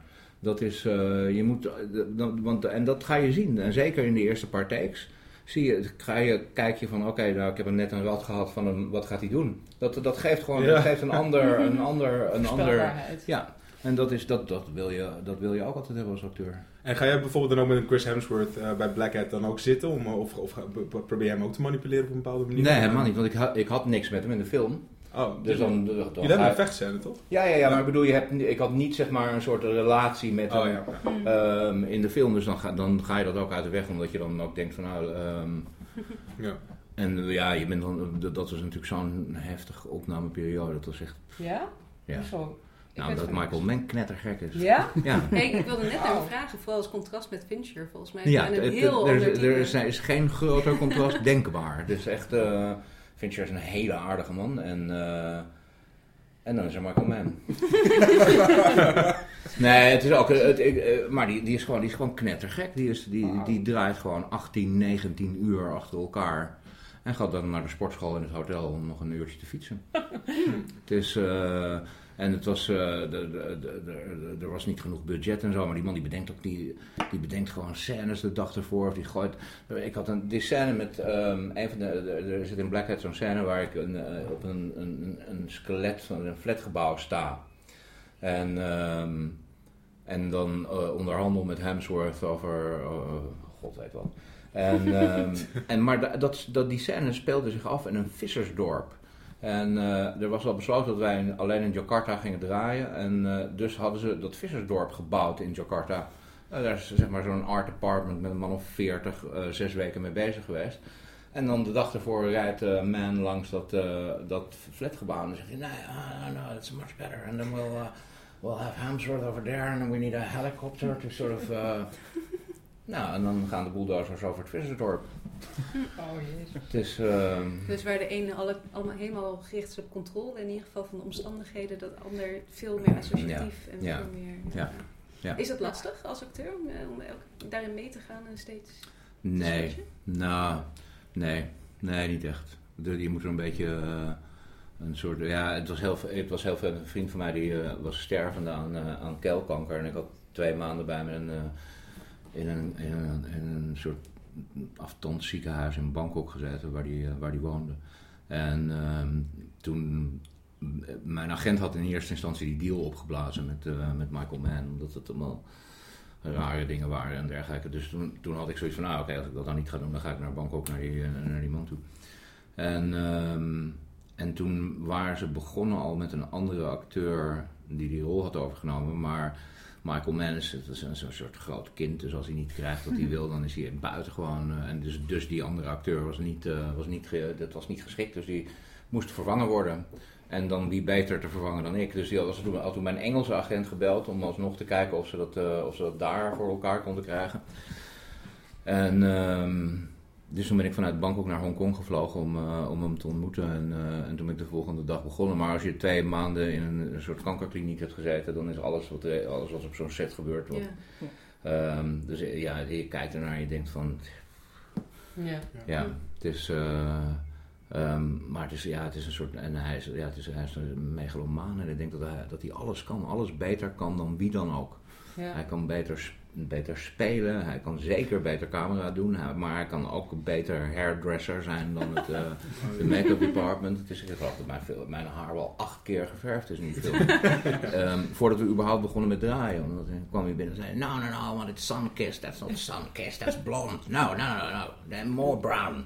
Oh, En dan eh, dat, eh ja, weirde man. En dan nog maar het uh, rijtje af te maken. Terrence Malick. Daar heb ik Ja. Hoe was dat dan? Ja. Ja, zwaar? Oké. Ja, dat is waar, om- maar omdat het zo, dat is zeg maar echt een method regisseur. Ja. En ehm, nou ja, we speelden een, een, een, een stel settlers uit de, uit de ehm, 16e eeuw. In the New World. In de New World in Amerika, die daar aankomen in, eh, in, in, bij Jamestown, wat een soort groot moeras is. En die mensen hebben het heel erg zwaar. En eh, dus die vond dat wij het ook heel erg zwaar moesten hebben. Dus we waren elke dag zeg maar in die fucking wollen kostuums en die metalen helmen in 39 graden en 98% vochtigheid. Ehm, een scala aan insecten aan het doodmeppen. en, ehm, en dat was ja, dus dat was gewoon. En dan, en dan deed hij gewoon, ja, het is. eh, hij, hij, die, ja, dan, dan blijf je, en dat is, ja, het is gewoon, dat is een hele, een hele vreemde man. Het is echt een, het is een dichter en, eh, ehm, en dan, eh, ja, dan, dan, heb je, het was op een gegeven moment zo'n, zo, ja, kijk, ze hebben allemaal methodes om dingen nieuw te houden. Bijvoorbeeld, bijvoorbeeld om, om zeg maar, ehm, in, in het geval van Fincher om no- nooit aan zo'n scène te komen voordat de camera's draaien. In het geval van Michael Mann, die steekt overal een spaak tussen vlak voordat hij gaat draaien. Dat is, eh, zodat iedereen opeens denkt, wow, what's going on? En, eh, en Malik die komt op de, eh, s ochtends op de, op de scène en dan heb je bijvoorbeeld een, eh, een grote scène met vier pagina's met Christopher Plummer en Colin Farrell en David Thewlis en, eh, en nog een man of vijf. En we staan daar allemaal nog met plastic bekertjes koffie in onze handen eh, te vervloeken dat we daar op die set staan. En eh, dan zegt hij van, nou, you're all here, uh, that's great, action. en dan zie je al die mensen nog zo die plastic bekertjes weg, eh, wegmoffelen. En dan heeft Christopher zo'n enorme zo'n monoloog en zegt van... eh, we are here in America's finest hour and we've And the director has pissed off again. En zo midden, midden in zo'n in zo'n take trekt hij ehm, ehm, Emmanuel eh, Lubezki mee van de set, omdat hij ziet hoe het, het licht en de, en, de, en, en de wind speelt met het riet of zo. En dan zie je hem, drie, dan zie je hem drie dagen niet meer. Maar als je die film dan ziet, denk je dan niet, oh oké, ja ja, ik snap het. Of heb je dat helemaal niet? Helemaal niet. Nee. Nou, nee, nee, nee, nee. Ik kan het, ik kan het wel zien. Ik kan de, de, nee, ja, nee, ja. Pff, melk, dat is toch wel echt een ding. Je, ehm, je houdt er of enorm veel van, of je haat het, of je houdt er enorm veel van en haat het. En eh, Ja, ja. dat heb ik altijd een beetje met hem. Dat ben jij wel. ja, Ja, ja, ja, ja. ik ook. Ja, dat is ook- Ja. ja, maar al die dingen, ook eh, of Tree of Life, dat, weet je, op de, soms denk je van, ah, dit is het allermooiste wat gemaakt heeft. En vijf minuten later denk je van, ah, nee, geen CGI-draken, kom op. Ja. Ja. Het is zo'n... Ja, en dat soort mensen zijn belangrijk wel in, in, in de filmwereld, weet je. Het, is, het, zijn, het zijn wel films die, die overleven of zo op de een of andere manier. Dat, eh, ja. Nu heb, je veel, nu heb je dus veel meegemaakt, je kunt veel hebben. Stel er komt nou iemand die zegt, zo'n intensieve rol als de Joker. Zou je het willen? ja, Zou je het doen? ja, ja, ja, ja, ja. Ja, tuurlijk. Geen twijfel? Nee, geen twijfel. Nee. Te gek. Let's make it happen. ik, zou, ik zou het graag willen zien ook. Ja. Ja, ja, ja maar dat, eh, dat is natuurlijk, dat zijn, dat zijn, het dat zijn wel, dat zijn gewoon, dat zijn onvoorstelbaar toffe rollen. Dat zijn, die zijn zo breed, daar kun je zoveel... Je zou een zei- I'm Not There-achtige film kunnen maken met zes of acht verschillende Ja. jokers Ja. en dan allerlei Ja. verschillende Maar nu zei je net, zelf, Jared Leto, eh, oeh, je zou het maar durven dat je naar Heath Ledger gaat. Hoe Ja. zou dat voor jou dan zijn? Zou je dat dan wel durven? Ja, zeker.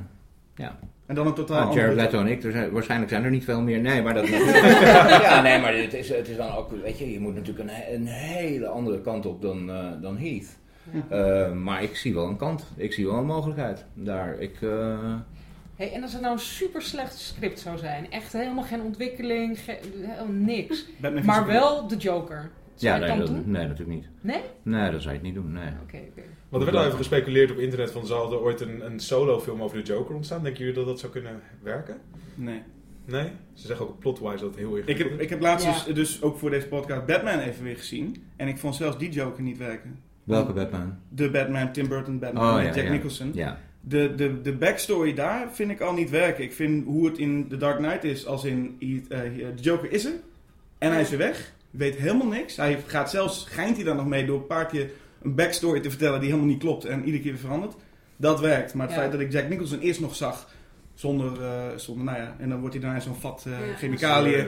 En daarna gaat hij aan het einde, spoiler, maar dat weet iedereen vast wel, gaat hij dood.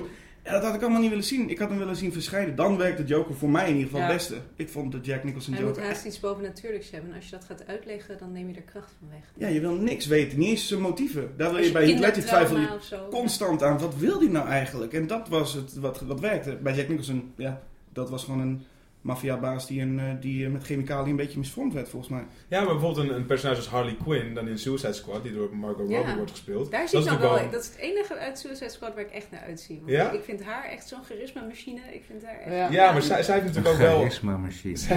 Ja. Nee, maar je kan niet anders dan naar haar kijken als ze in het shot zit. Ja. En dat is niet alleen omdat ze een mooie meid is. Maar zij is een vrouwelijke Joker, toch? Dat is haar rol in de, in de film. Zij is een fan van de Joker. Min of meer inderdaad meer fan, dus meer wel heel afhankelijk van hem. Ja. Ze hebben echt een soort dysfunctionele relatie, maar ja, hij manipuleert haar, zij laat zich manipuleren. Dat is Ja. toch een net Gaat zij ook niet de show stelen? Is er niet de eerste film met de Joker waarin de Joker niet de show gaat stelen, waar niemand Ja. het eigenlijk misschien niet eens over de Joker per se heeft, maar over Harley Quinn? Nou, als zeg maar in de film de Joker dood zou gaan en zij zijn plek in zou nemen, dat zou ik niet heel verkeerd vinden voor de rest van het DC-universum bijvoorbeeld. Hm. Dat, dit is al vastgelegd, toch? Want volgens mij of is het, dit staat vast wel in de script. Oh, je hebt er geen idee. Ik heb hem nog niet gezien, Ik- nee. Nee, gelezen dacht ik misschien. Nee, ook niet. Nee, ik ook niet. Maar ik, eh, ja. En dat zou het weer een heel andere energie geven. Dat is natuurlijk ook een manier om... Maar de- de- denken jullie niet dat, zeg maar, dat, en daarom denk ik ook dat het succesvol is, en daarom denk ik ook dat Deadpool, Deadpool succesvol is, omdat het zeg maar de, dood, de, de doodstuip is van de, van de superhero film. Mhm. Dat is, eh, en daarom denk ik ook dat, eh, dat Suicide Squad kan slagen, omdat het ook zo'n laat- Ja. zo'n doodstuip is. Omdat het, eh, En wat doe je dan met doodstuip? nou, het, het einde, het einde van een tijdperk. En, maar het einde van het tijdperk, maar we krijgen Deadpool 2 en ongetwijfeld mijn succes Ja. Suicide Squad 2 En nog, elk personage krijgt waarschijnlijk een eigen eh, spin-off. Ja, nou, eh, nou, ik denk dat het een aflopende zaak is. Ja? Ik, denk, ja, ik denk dat het over na drie jaar hooguit dat dat voorbij is. Zitten we op het hoogtepunt? Of zijn we daar Nee, daar ben je bij overheen, denk ik, ja. ja. Ik, Ik- bedoel, eh, Deadpool was natuurlijk de eerste, eerste, eerste, eerste postmoderne superhero film.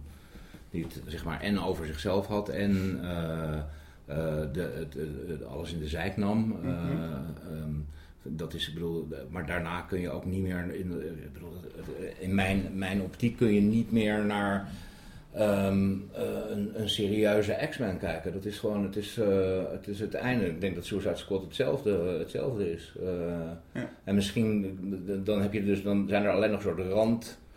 Ja, ik denk dat je als je een gimmick hebt, dat je nog een tijdje door kan. Ja. Zeg maar, als je niet nog een Chris cast voor een standaard origin story, dat, dat kun je niet Ja, maken, denk nee. ik. Ik denk wel, ze proberen nu inderdaad, Black Panther komt. Nou ja, er is nog geen zwarte geweest, behalve Blade. Tel Blade wel mee zelf, maar ja. Ja. En eh, Captain Marvel komt misschien ooit. En Hm. Spider-Man is natuurlijk een tiener, dat is net wat anders. Maar je moet, je moet iets hebben dat het onderscheidt. Ja. Maar Justice League, dat gaat natuurlijk de gro- groot van DC worden. Daar komen alle...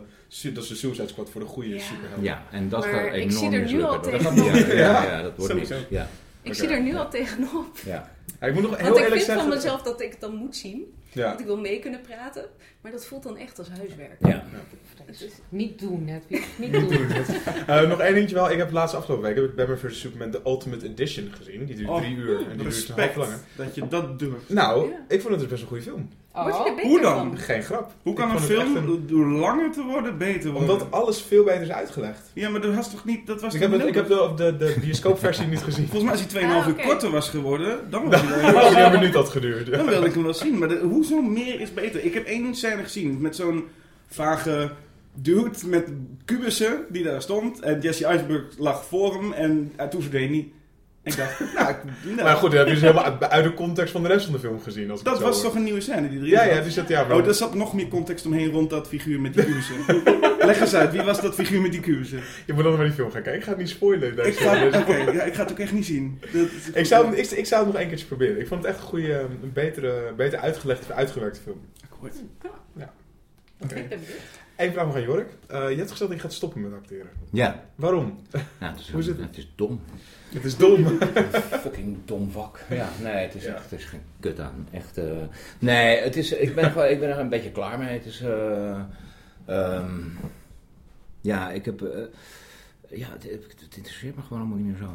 Nee. Dus, Maar als er dus zo'n speciale rol langs zou Ja, komen, natuurlijk. dan zou je natuurlijk. wel... ja, natuurlijk. En er zijn, weet je, er zijn er nu ook alweer ehm, dingen die borrelen waarvan ik denk van, nou, ja, dat, dat ga ik wel doen, want dat is, dat is echt te gek. Ehm, Kun je ook iets eh, zeggen daarover? Of eh, zijn het allemaal... nou, nee, een Nederlandse, een, eh, een Nederlandse film, maar die zo. Maar ik, ik, ja, het filmfonds is natuurlijk, weet je, het, is- het klimaat in Nederland is gewoon, het wordt, de, de hele Nederlandse filmwereld wordt be- beheerst door kartels, zeg maar. Ehm, je hebt een castingkartel en je hebt het eh filmfondskartel, je hebt een producentenkartel. En dat komt zeg maar de, de Nederlandse filmwereld niet ten goede. Want daar zitten allemaal mensen vast al in en die krijgen allemaal, Ja. allemaal naar Ja. voren geschoven. Ja. Nou, je hebt ook maar een paar ideeën die dan eh, rondgaan over hoe Ja. het gedaan Ja. moet worden, Ja. lijkt mij. Ja, ja het, is, het is niet. eh, ehm, eh, ehm, ja, het is niet. Ja, het, het, het, het is gewoon niet heel erg, niet heel erg inspirerend. Ehm, dus er zijn, en, en in Amerika zie je dus dat wat, wat er gebeurt is dat. Dat je dus alleen nog maar popcorn fair kunt maken voor eh 16 tot 25-jarigen. En eh, de, er is een onvoorstelbaar ehm, fascinerende Steven Soderbergh ehm, lezing daarover. Over waarom eh, zelfs indies niet gemaakt kunnen worden. Omdat je sowieso. Ehm, je kunt wel een film maken voor 5 miljoen of 8 miljoen of 10 miljoen. Maar je hebt sowieso eh 40 miljoen nodig voor marketing. Anders ziet helemaal niemand het. Ja. En eh, dus, dus je, onder die 50 miljoen kom je niet weg. Dus wat je, wat je ook wil maken. En dat, dat, dat haal je er niet uit met, eh, met films eh, die, die de moeite waard zijn. Dat is, dat is gewoon dat is de, grote, de grote hel. Hebben Nederlandse films dat nodig? Die ook echt zo'n enorm marketingbudget om eh, dan de Nederlandse film wat meer op te krikken? Ja, Dus dat is, dat is ook een onderdeel van het probleem. ja zeker. Ja. En hoe, hoe zie jij een oplossing daarvoor? Ik zie geen oplossing daarvoor. Nee? Gewoon Nee. uit dit land vertrekken? Nou ja, nee, ja, maar dat klinkt heel erg, heel erg zwaar. Maar, maar dat is een, een ander ding dan, dan het eh, eh, filmmaken. Waarom ik, waarom ik een beetje afstand aan het nemen ben van acteren. Omdat het, omdat het ehm, het is zo. ehm, het, is, het, is niet, het is gewoon niet zo bevredigend eh, om, om aan, een, aan, een film te, een film te werken. Het is, eh, er, zijn, er, zijn, er zijn een handjevol mensen waar je echt graag mee wil werken. En, eh, ehm, en, en dan, maar dan nog, zelfs als je met, met dat soort grootheden werkt, is het, is het allemaal zo miniem. En het is zo, omdat zo'n productie is zo groot. Het is 100, 150 miljoen dollar. Er speelt zo enorm veel.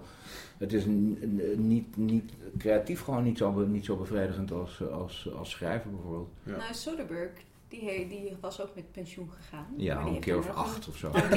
Ja, ja. Maar het lijkt nu, hij heeft in ieder geval een tijdje geen films meer gemaakt. Ja. Maar hij heeft wel een serie gemaakt. Geniaal. Nee. Hele goede. In ieder geval, Ja, ik vind het qua verhaal niet altijd even goed. Maar Ja. in ieder geval hoe het geregisseerd en hoe het geëdit Ja. is. En de muziek, dat is allemaal Ja. echt top notch. Ja, maar dat is, dat is, ja, dat is, Is daar geen haven dan? Ehm, ja, daar is zeker een haven. Daar is zeker een haven, maar dan, dan in die havens doe ik liever iets anders dan spelen. Want veel acteurs gaan, als ze stoppen, regisseren. Ja, nee, dat is een... eh, mm, Wil je niet de andere kant dat je een keer als Tellus Nou, en zo eh, heel ja, moeilijk gaat misschien doen? als ik 70 ben of zo. Nee, maar eh, nee, dat vind ik, ik vind dat, niet- dat niet zo interessant. Want ik heb, eh, om te regisseren, hoe dan ook, moet je een control freak zijn. En dat ben ik niet. Hm. Ehm, dan is schrijven echt onnoemelijk veel interessanter. Dat is dan... dat vind ik, dan- dat is echt, dat, dat is zo'n, dat is zo'n ander proces. Dat is, daar ben je daar gewoon vanaf de, de, de geboorte, daar ontstaan dingen eh, ehm, die, waar, die je niet bedenkt, die, die gebeurt. Dat is, dat, dat, dat is een van de mooiste dingen die, ik- die ik ken. Dus je blijft wel schrijven. Ja, je, zeker. je verdwijnt Ja, niet, nee, dat nee, weer nog wel dingen van je gaan... eh, Nou, verdwijnen zou ook wel prettig zijn. Maar dat, dat, daarom zou ik alweer een goede jo- joker zijn. Ehm, ja, nee, het is... ehm, ja, de- nee, dat, ik denk dat het een andere discipline is. Maar niet, eh, de- niet, niet te regisseren, die behoefte heb ik niet zo. Dus, eh, En eh, ben je nu bezig met iets eh, moois? Ja, Schrijven? ja, Ja? Echt, ja, echt. Nou, ja, ja, ja. Tof. En dat, daar reageert het filmfonds ook positief op? Of Eh, nee, dat is, eh, dat is een, een serie. Ehm, een soort ehm, zwarte komedie over fascisme in Nederland. En ehm, echt, eh, ja, echt heel veel plezier aan. Heel Beleef ik daaraan, ja. En we kunnen hier nog één keertje in de bioscoop zien. Ja, ja. eh, Storm. ehm, februari. Ehm, Een, eh, een, een film over, een, over de Tweede Wereldoorlog? Nee. Nee. Oh, niet over Nee. Tweede Wereldoorlog. Ik, dacht dat, ik weet dat het over, verraad gaat, maar dan ga ik het meteen... nieuws in deze Nederland. Er is een Nederlandse eh, film die niet over De Tweede Wereldoorlog. Ehm, nee, het gaat over. Het, ja, het, ja. Eh, over ehm, eh, ehm, de opkomst van het, eh, ehm, de godsdienstoorlog in Nederland. eh, en uh, Calvijn en Luther. Dus Oh, toch de storm in Utrecht. Zei je toch? Toch de storm Utrecht, ja. Wat is Storm in Utrecht? Ik dacht dat de stormverwijzing zou zijn van naar de sto- storm die de dom ineen deed storten Nee. in die tijd. Nee, nee. Het is het. eh, We de- hebben het al twee keer fout gehad. We hebben lekker onze research gedaan voor deze aflevering. ehm, nee, het is. eh, We kunnen een soort spelletje voor maken. Ja. Waar gaat ja, het? dat is, eh, ja, dat is. eh, ja. Het jongetje heet Storm. Ah, vandaar. Dankjewel. En we gaan nu luisteren naar de column van Erik van het Holt.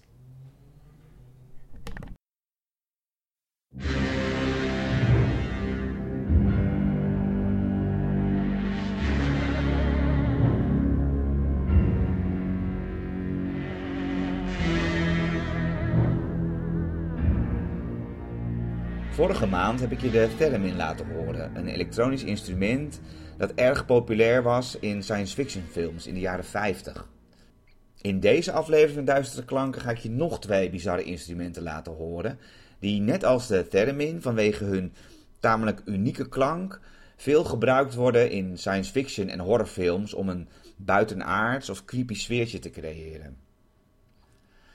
Het eerste instrument is de waterphone. Een akoestisch percussie-instrument uitgevonden door Richard Waters eind jaren 60. Waters baseerde zijn ontwerp op onder andere de Tibetaanse waterdrum.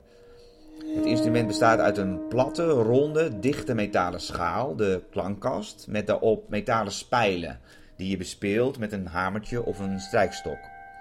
In de schaal zit een beetje water, waardoor die typische, etherische, enigszins spookachtige, vibrerende klank ontstaat door sommigen ook wel de horror sound genoemd.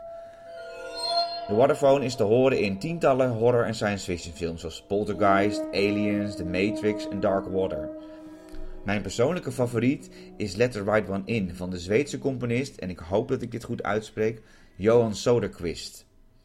Soderquist nam tientallen verschillende samples op van de Waterphone, bewerkte ze een beetje in de computer en verwerkte ze heel subtiel in zijn score. Het resultaat is creepy en prachtig tegelijk.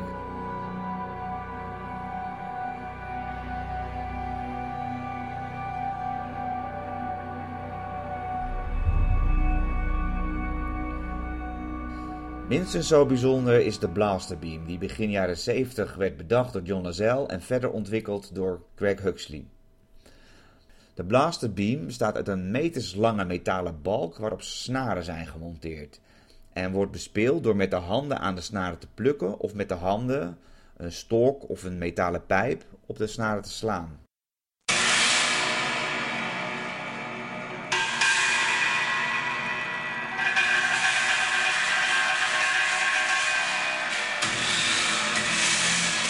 Een van de eerste filmmuziekcomponisten die de Blasterbeam gebruikte was Jerry Goldsmith in zijn muziek voor Star Trek The Motion Picture in 1979.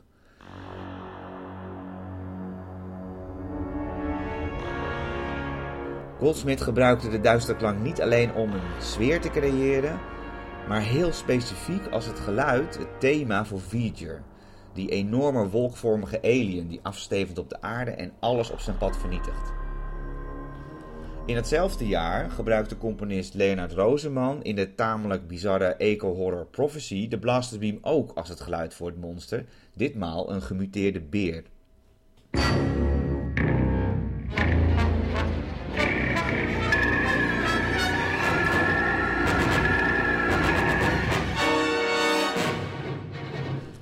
Net als de Termin in de jaren 50 was de Blasterbeam erg populair in science fiction films in de jaren 80. En naast de eerder genoemde voorbeelden ook te horen in Battle Beyond the Stars en Star Trek 2 van James Horner, Meteor van Lawrence Rosenthal, The Black Hole van John Barry en 2010 van David Shire en Greg Huxley. Na de jaren 80 raakte de Blasterbeam in de filmmuziek een beetje uit de mode, maar componist Bear McCreary haalde het instrument voor 10 Cloverfield Lane weer uit de mottenballen. Hij gebruikte de Blasterbeam om met name de setting, een ondergrondse bunker, te representeren. En die diepe, duistere klanken van de Blasterbeam zijn in bijna iedere scène te horen.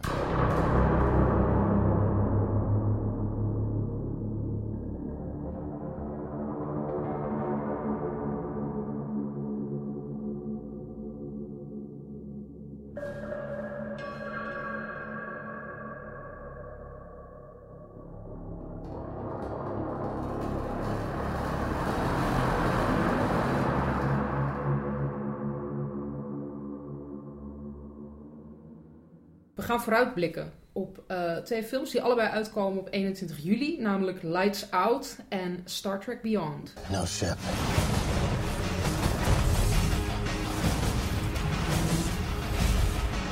No crew. How are we gonna get out of this one? We will find hope in the impossible.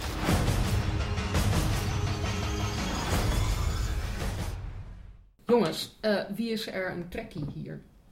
Ik Ik- wel een voorzichtige trackie. Ik durf het nooit zo te zeggen, want ik heb van alle track-series wel minstens 10 afleveringen gezien. Dan vind ik je wel een trackie. Ja, maar ik heb eigenlijk alleen Enterprise echt gevolgd. Het was meer, het was altijd op tv.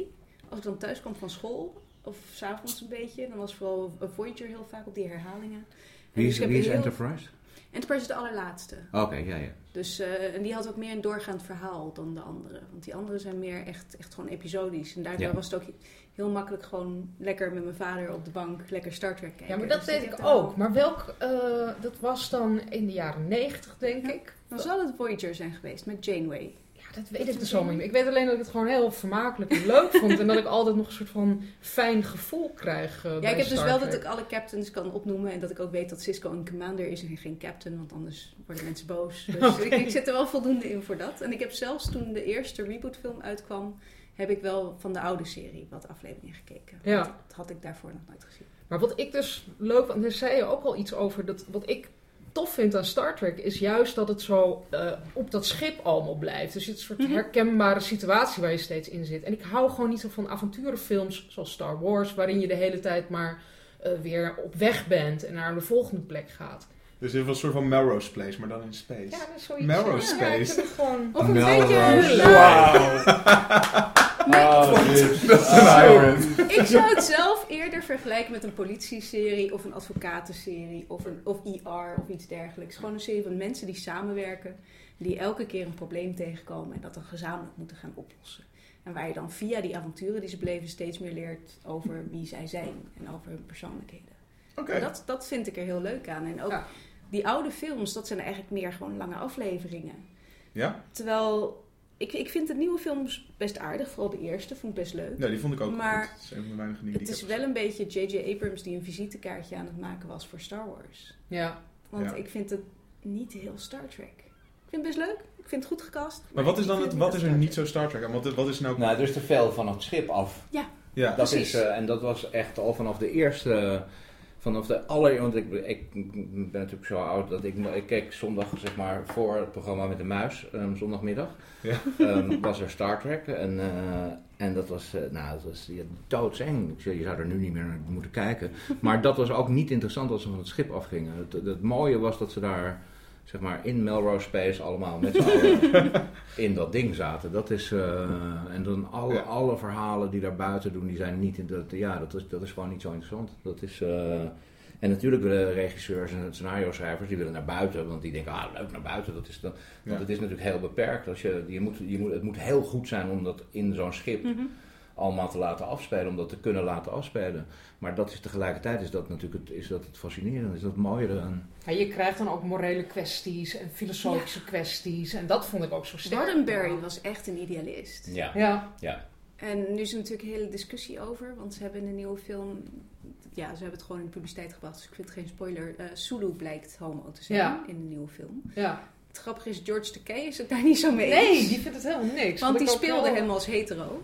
Terwijl hij homo was. Terwijl die zelf homo was. Ja, maar die vindt ja. dus dat niet omdat hij homo is, het, persoon, het personage direct ook homo hoeft te Ja, zijn. maar hij, wilde, wel- hij vond het wel mooi dat ze het als eerbetoon deden, maar liever dat, hij, dat ze een ander personage dan Precies. homo hadden gemaakt. Ja, of gewoon een nieuw dat personage dan? geschreven. Was zo, wel, volgens mij. Dat was wel het idee, Een soort eerbetoon aan ja. George Takei. Maar ja, dan Oh. had ik hem, ja, had je hem ook van tevoren kunnen vragen of hij het wel een leuk eerbetoon vond. Dus, Denk ik. Maar ik, ik vind het een mooi gebaar, want ik denk inderdaad dat Roddenberry wel zodanig idealistisch was dat als hij zeg maar, in onze tijd had geleefd, had hij dat absoluut gewild. Want hij was heel erg van die toekomst die hij toonde.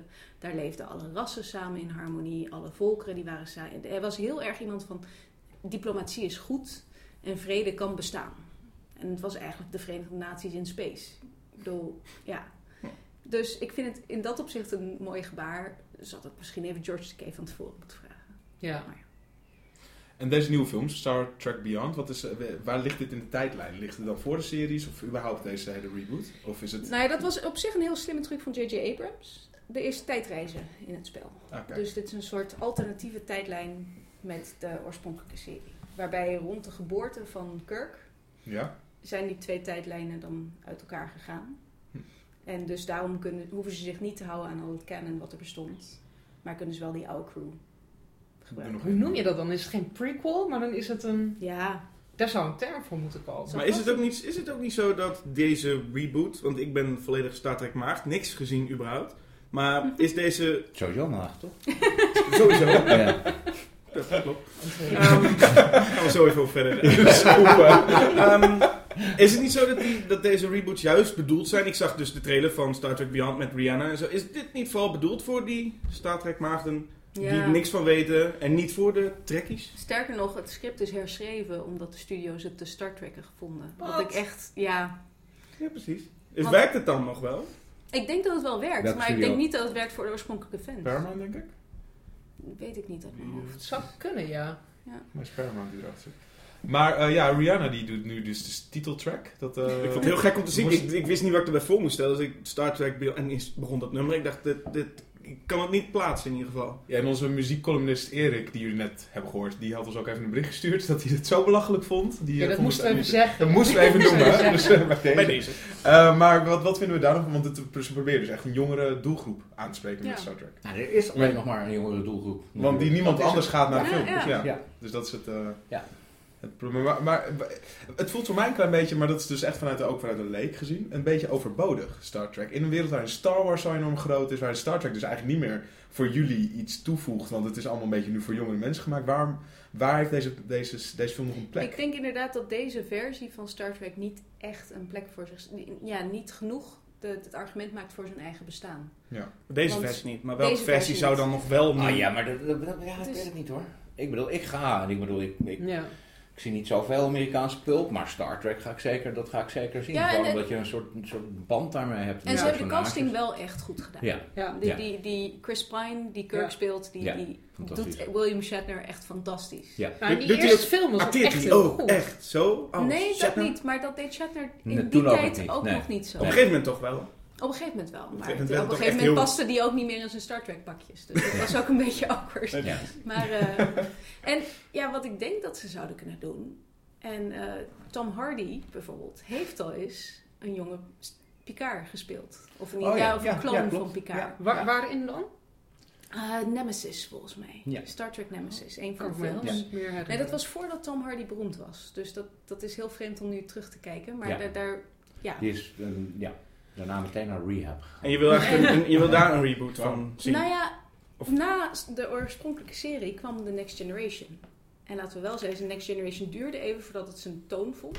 Maar was eigenlijk beter dan de oorspronkelijke serie. Sorry voor de nostalgische herinneringen aan de oude serie. Jorik, heb jij er iets aan toe te voegen? Of, Ehm, nee, ik, ik, ik, heb de, ik ben eh, eh, Generation maagd, zeg maar. Ja, nou, Ehm, dus Patrick Stewart was echt een fantastische... Ja, nee, ik heb, het ook, ik heb het ook wel, ik heb het wel gezien, maar ik, was, ik ben het, dat, de. Star Trek was de Star Trek voor mij.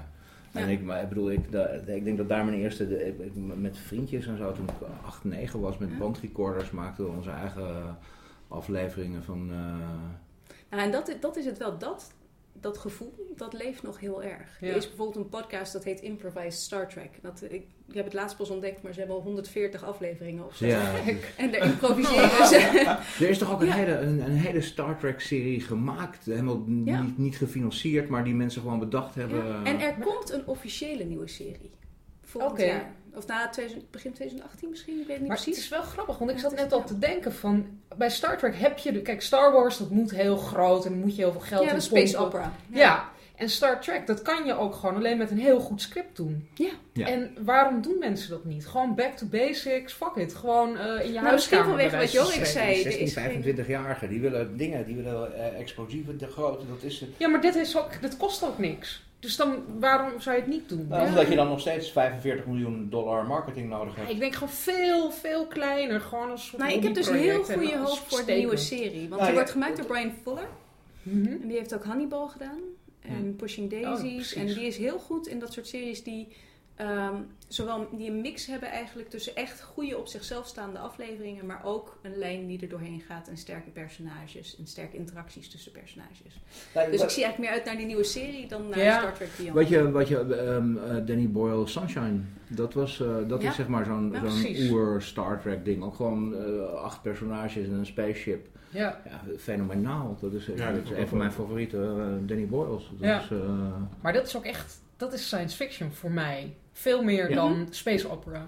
Ja, Ja. maar Star Wars is ook... Ik, ben, ik hou erg van Star Wars, maar het is geen science fiction. het is ook meer Nee. space operette dan space Ja. opera. Ja, science fantasy kun je het het. noemen. Maar Ja. is, Hmm. Hey, en Lights Out. Ehm, ik... eh, Dat om even een hele harde overstap te maken. Zo? Ja, genoeg. genoeg. We hebben we het nu- straks we hebben het nu terug. wel genoeg over. eh, Star Trek. al die nerderige Ik dingen. denk, er komt een subtiel bruggetje, maar gewoon eh, uitstaat. boom. Ik dacht Star Trek Into Darkness en dan Precies. Darkness. Ja, het is ook helemaal. Dat is een mooi bruggetje. Maar eh, ja, Mag ik één ding zeggen over Lights Out? Ja, Nee. meerdere Ik vind het- dingen. Super tof dat die kennelijk 80 minuten is. Mhm. Ik zie een trend. Want The Ja. Shallows is geloof ik 87 minuten. Ja. Ook onder de anderhalf uur.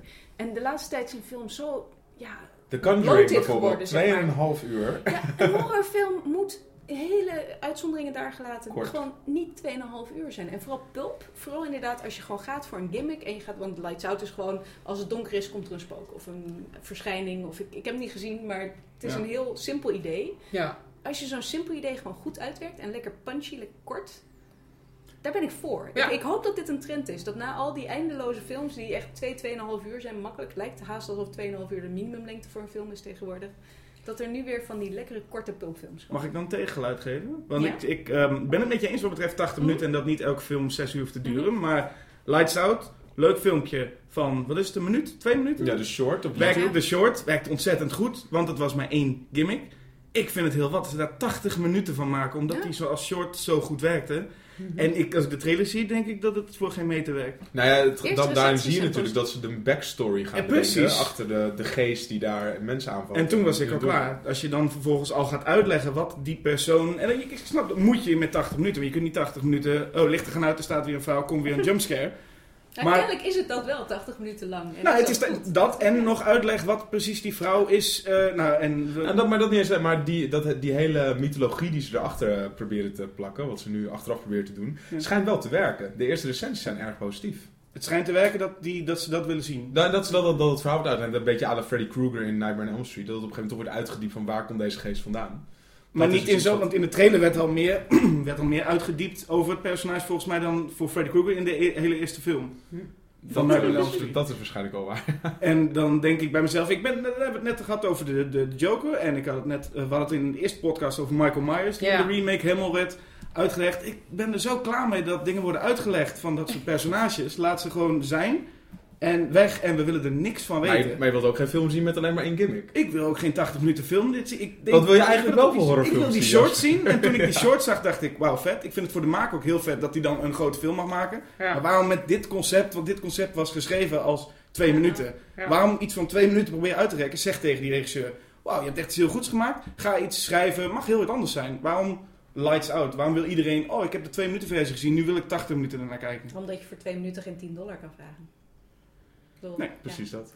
Ja, maar is Maar dit dan zoveel, dit concept, Ja. marketingtechnisch zoveel sterker dan... Zegt iedereen, wow, dit was van dat ene YouTube filmpje, die wil ik zien. Was, je kunt toch ook zeggen van de maker van Ja. dat YouTube filmpje. Een andere horror die ook eng is. Maar er komt er natuurlijk nog iets anders bij. Producer James Wan heeft hem, eh zet zijn naam erop. Ja. Dus dat, dat is natuurlijk een Maar die extra kan hem ook op een andere film zetten, toch? Ja, hij zet, tuurlijk, hij maar zet ik hem ook op Annabelle. En hij zet hem ook op de Annabelle 2 en hij zet hem Tuurlijk, maar dat is natuurlijk een studio die denkt, en we hebben die YouTube gimmick, die hebben we al. Dan hebben we ook nog James Wan, die zijn, eh, die zijn naam er wel Ja. Ja, paar, dus je eh, zegt, we hebben, een, we hebben een horrorfilm van de maker van dat Lights Out filmpje en van James Wan. Helemaal goed, gaat volgens mij werken. Waarom moet het dan Lights Out zijn, gerekt tot 80 minuten? Ja. Waarom niet een andere dacht film? dat hij het goed een leuke film kon maken. Ja, Oké, nou, ja, ik, hoor voor het eerst dat, ik hoor voor het eerst dat de recensies goed zijn. Maar toe als zijn er geloof ik acht positieve recensies en geen negatieve. Ja, weet je, is- negatief, onze, onze eindredacteur is, is negatief. Ja, wat een barend. Ah. eh. Barend is- Die was er niet negatief. echt positief over. Dus de, Ehm, de supreme van alle positieve reacties die ik nu zo Dus hoor. Maar, Maar Rotten Tomatoes staan inderdaad tot nu toe op 100%. 100% fresh. Maar houd Maar Metacritic is veel lager hoor.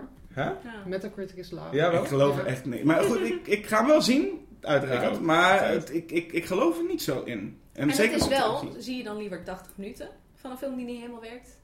Of hoe is het, 2,5 uur? Dat is 2,5 uur de Conjuring. ja. 150 minuten.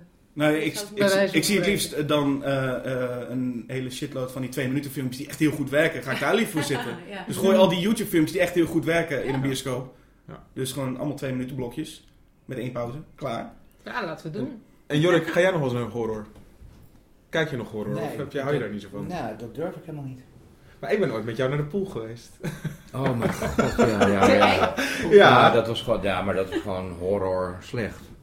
Vond je? Ja, Horror slecht. Ik kon het niet aanzien, echt. Ik kon het niet aanzien. Echt, dat vond ik zo... maar waar lag dat dan aan? Is dat dan omdat het nederhorror is? Of omdat het eh, de, misschien verkeerde casting is? Of een verkeerd script? Of Nou, ik denk dat het daar aan de regie lag. En eh, ja, en dus al die acteurs, die deden maar wat, die stonden allemaal op aparte eilandjes, of eigenlijk in andere films, vond ik zo. En ehm, ja, en het, gegeven was er wel, maar het, het, ja, ja, die, die personages deden me helemaal, lieten me koud. Erger nog. Maar is dat niet altijd moeilijk met horror? Is het niet altijd omdat horror al zoiets om iets anders draait, namelijk om een enge situatie of om een, Ja, om een gezin dus- dat in de, in, de, in nood komt of in lights out? Ja, maar dan heb, je, dan heb je dus een hele goede regisseur nodig die iedereen op hetzelfde pad krijgt. Ja. Dat is, eh, dat is van belang en dat was daar helemaal niet het geval. Hm. Ik weet niet hoe heet het. oh, God, ik kan, ik kan geen Nederlandse actrices afvallen. Heet ze Er ook waren- geen Nederlandse Oh, actrices. hoe heet ze ook alweer? Die vrouw, die, die vrouw. Nou, dat echt. Carina Krutsen misschien? Oké, we kunnen eruit knippen. Nee, of niet? Ja. Nou ja, ja, dat, wat- dat, nou ja, dat- Ja. weet je, en dat is, eh, die, die, die doet, eh, maar die, die, die kan dus gewoon i- daar zoiets gaan doen zonder dat iedereen begint te gillen van nee, Karin, dat is geen goed idee, dit. De- maar is dat iets ne- typisch Nederlands? Op Nederlandse sets kunnen acteurs misschien dan maar wat doen omdat er niet regisseurs zijn die Nee. er tegenin gaan? Nee, nee, nee, nee, nee, er zijn, er zijn, er zijn goede, goede Nederlandse regisseurs. Ik weet zeker dat als, als Koolhoven de Poel had geregisseerd, dat dat een, een buitengewoon eh, adequate film was geweest. Ja. Het is, eh, want er was ook niet heel erg veel mis met het scenario. Eh, Nee, het was best een, eh, ik Ja. vond het verhaal best, best goed. Ja. Maar omdat dan iedereen zulke, daar, daar waren zulke rare, uh, Gijs was ook vrij goed, nog iets, een beetje eh, ehm, te eendimensionaal, maar misschien was het, dat eendimensionale daar juist heel erg goed. Eh, ehm, maar dat werd dan onderuit gehaald door Karin. Dat is dan, dat, dat, dat- en dat, dat, dat is een, een stijl, dat is een keuze, maar dan moet iedereen in die keuze gaan. Want daar, daar moet je een soort consistentie in, in vinden. Dat iedereen dat, dat spannend maakt. Als de een dit doet en de ander dat. En dan, dan, dan, ben, je, dan ben je reddeloos verloren. Ja. Dus ehm, Dat is de taak van de regisseur inderdaad. ja. Precies wat Ja. hij moet doen. Ja. De neus Ja. aan de kant. Ja. En dat, dat, dat krijg je, dat, dat, dat, dat, dat, dat, dat gebeurde niet. Wie heeft dat geregisseerd? Chris Mitchell. Chris, ja, Chris? Mitchell. Chris Mitchell. Oh ja. Eh, Nou, die heeft het daarna nog verder geschopt. en op die noot. Ehm, heel erg bedankt jongens. Ja, dat eh, gast volgende week. volgende week. Chris Mitchell. Pijnlijk wordt dat. Pijnlijk. Eh, Lights Out en Star Trek Beyond gaan uit op 21 juli. En we kijken er naar uit. ja, of ik ga sowieso naar Lights Out. Ga je wel? Ga jij, Lights Out? ga jij je maagdelijkheid verliezen? Over Star Oh, Trek. Trek. Ja? Ik weet niet of het nou zin heeft om nooit iets gezien te hebben en dan volgens naar Star Trek Beyond te gaan. Maar, ehm ik, oké, ik, eh, ja, ik ga wel, denk ik dan. Spannend man. Dan, Dan gaan, dan benieuwd. gaan wij ook. dan gaan we met z'n allen mijn ontmaagding meemaken. Leuk, note. leuk nieuws podcast uitje. Ja, ja. Ja. maar ik denk, ik denk ook dat de, de, de podcastmicrofoon mee moet. Dan. Ja. Dat Live. horen. Ja. Vanuit, eh, Ja. Oké jongens, eh, bedankt. Hollywood-correspondente Yveske van Berkelaar schrijft ook voor Schokkend Nieuws en werd in LA onlangs uitgenodigd door de podcast Have You Seen This? Om te komen praten over de Nederlandse horrorfilm The Johnsons. De podcast pluggen we met liefde en daarom gaan we nu naar een fragment luisteren. Op haveyouseen.us kun je de volledige aflevering terugvinden. I'm I'm glad I saw it in my 30s and not in my in my teens. Would have I, I think you up as a teenager. absolutely yes, Yeah. yeah. Uh, and I have a lot of friends who saw it when when they were teenagers when it came out, and they were like, "Yeah, I'm still traumatized by that movie." And I I can sort of, if you're young and you're not used to watching horror, I can I can see that this is uh, interesting in that perspective. Yeah, I I think that um, well, seeing it as an adult, uh, the symbolism is pretty upfront. but as a teenager, I think it would have been kind of confusing and icky. Yeah. Well, also, I mean, she's she's 14 in the movie, like the, Yeah. the lead girl. Yeah. So I'm sure if you're like a 14 year old girl, you're like, oh my god, this is Ah, horrifying. I don't want my period. Exactly. I also read that apparently uh, one of the original titles for it was First Blood because because she gets her first period in the movie. so, and now I know that I can't watch Rambo's First Blood I anymore know. without thinking of that. wasn't it wasn't it touching when Rambo got his period? I'm so glad they made a whole movie about that. well, um, since we're you know now that we're rolling, um, can you give us a capsule summary of the film? I can actually I can read you the IMDb summary because I thought that one was a, was a very good one. I remember reading the the summary of this movie in English and being like, "What? How do these things fit together?" Exactly. That's like it, it. It says here, according to an ancient Indian tale, a giant monster embryo residing in a crystal vase is predetermined to fertilize a blue-eyed woman. She will give birth to something evil to unleash horror and destruction upon humankind. Ugly septuplets brothers, reproduced within the framework of mysterious genetic experiments, terrorize a young innocent girl who seems to be chosen for the sinister predestination. So this already sounds like five movies in one. Yeah, that Yeah. was what I thought reading the plot. I was like, wait, what? Like, how does this fit together? Well, that's even when you watch the movie, you're like, how does this fit together? yeah, and that was interesting. The way that it was structured is it's not a typical structure. I almost compare it to like a very the the image that I had in my mind was of a very slow double helix like because you had these disparate storylines and they very slowly spiraled together before eventually meeting in right before the climax and in the climax which is interesting. Um i feel like a lot of the time um as you're watching the movie you're kind of waiting for the characters to catch up to the point that you as an audience member are because you're kind of like okay like we know where this is going like figure it out like Yeah, they're very slow processing on information.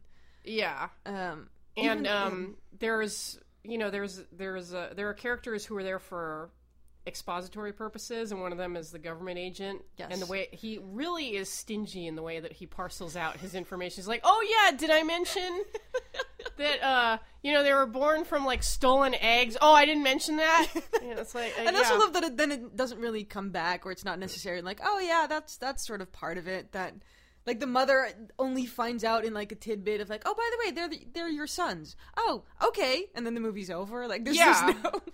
Like and um I will give it points for the way that it um kind of like sets stuff stuff up and it does pay off later. Like we were wondering early on why they were making so much hay out of the fact that there was a garbage strike in town. but that actually figures into the climax. no, they knew what they were doing. yeah. So, you know, props cuz a lot of times in, you know, in shittier movies like stuff doesn't pay off. But I'll hand it to them. You know, a lot of times you saw it from a mile away, but it did pay off. Nou, dit was hem alweer bijna, jongens. De derde aflevering van de Schokkend Nieuws podcast. En Ja, Ja. wat een uh, te gekke man. gast. Ja. Leuk gesprek. ook. Leuk gesprek. We zijn dan nu ook echt aan het einde gekomen van, ehm, van de Schokkend Nieuws podcast, aflevering 3. Hartstikke bedankt, Jasper, Hedwig. Basje, jij gaat nog even wat vertellen. Ja. En, eh, I'm out. Bye. Nee. Doeg! Nee. Ehm, ik wilde alleen nog even zeggen, schokkendnieuws.nl. En je kan ons ook mailen. eh eh, podcast.schokkendnieuws.nl En je kan ons natuurlijk ook vinden op de social media. Ik noemde ze al eerder Facebook, Twitter, Instagram. We horen van je. Dag! Doei. Doei. Doei!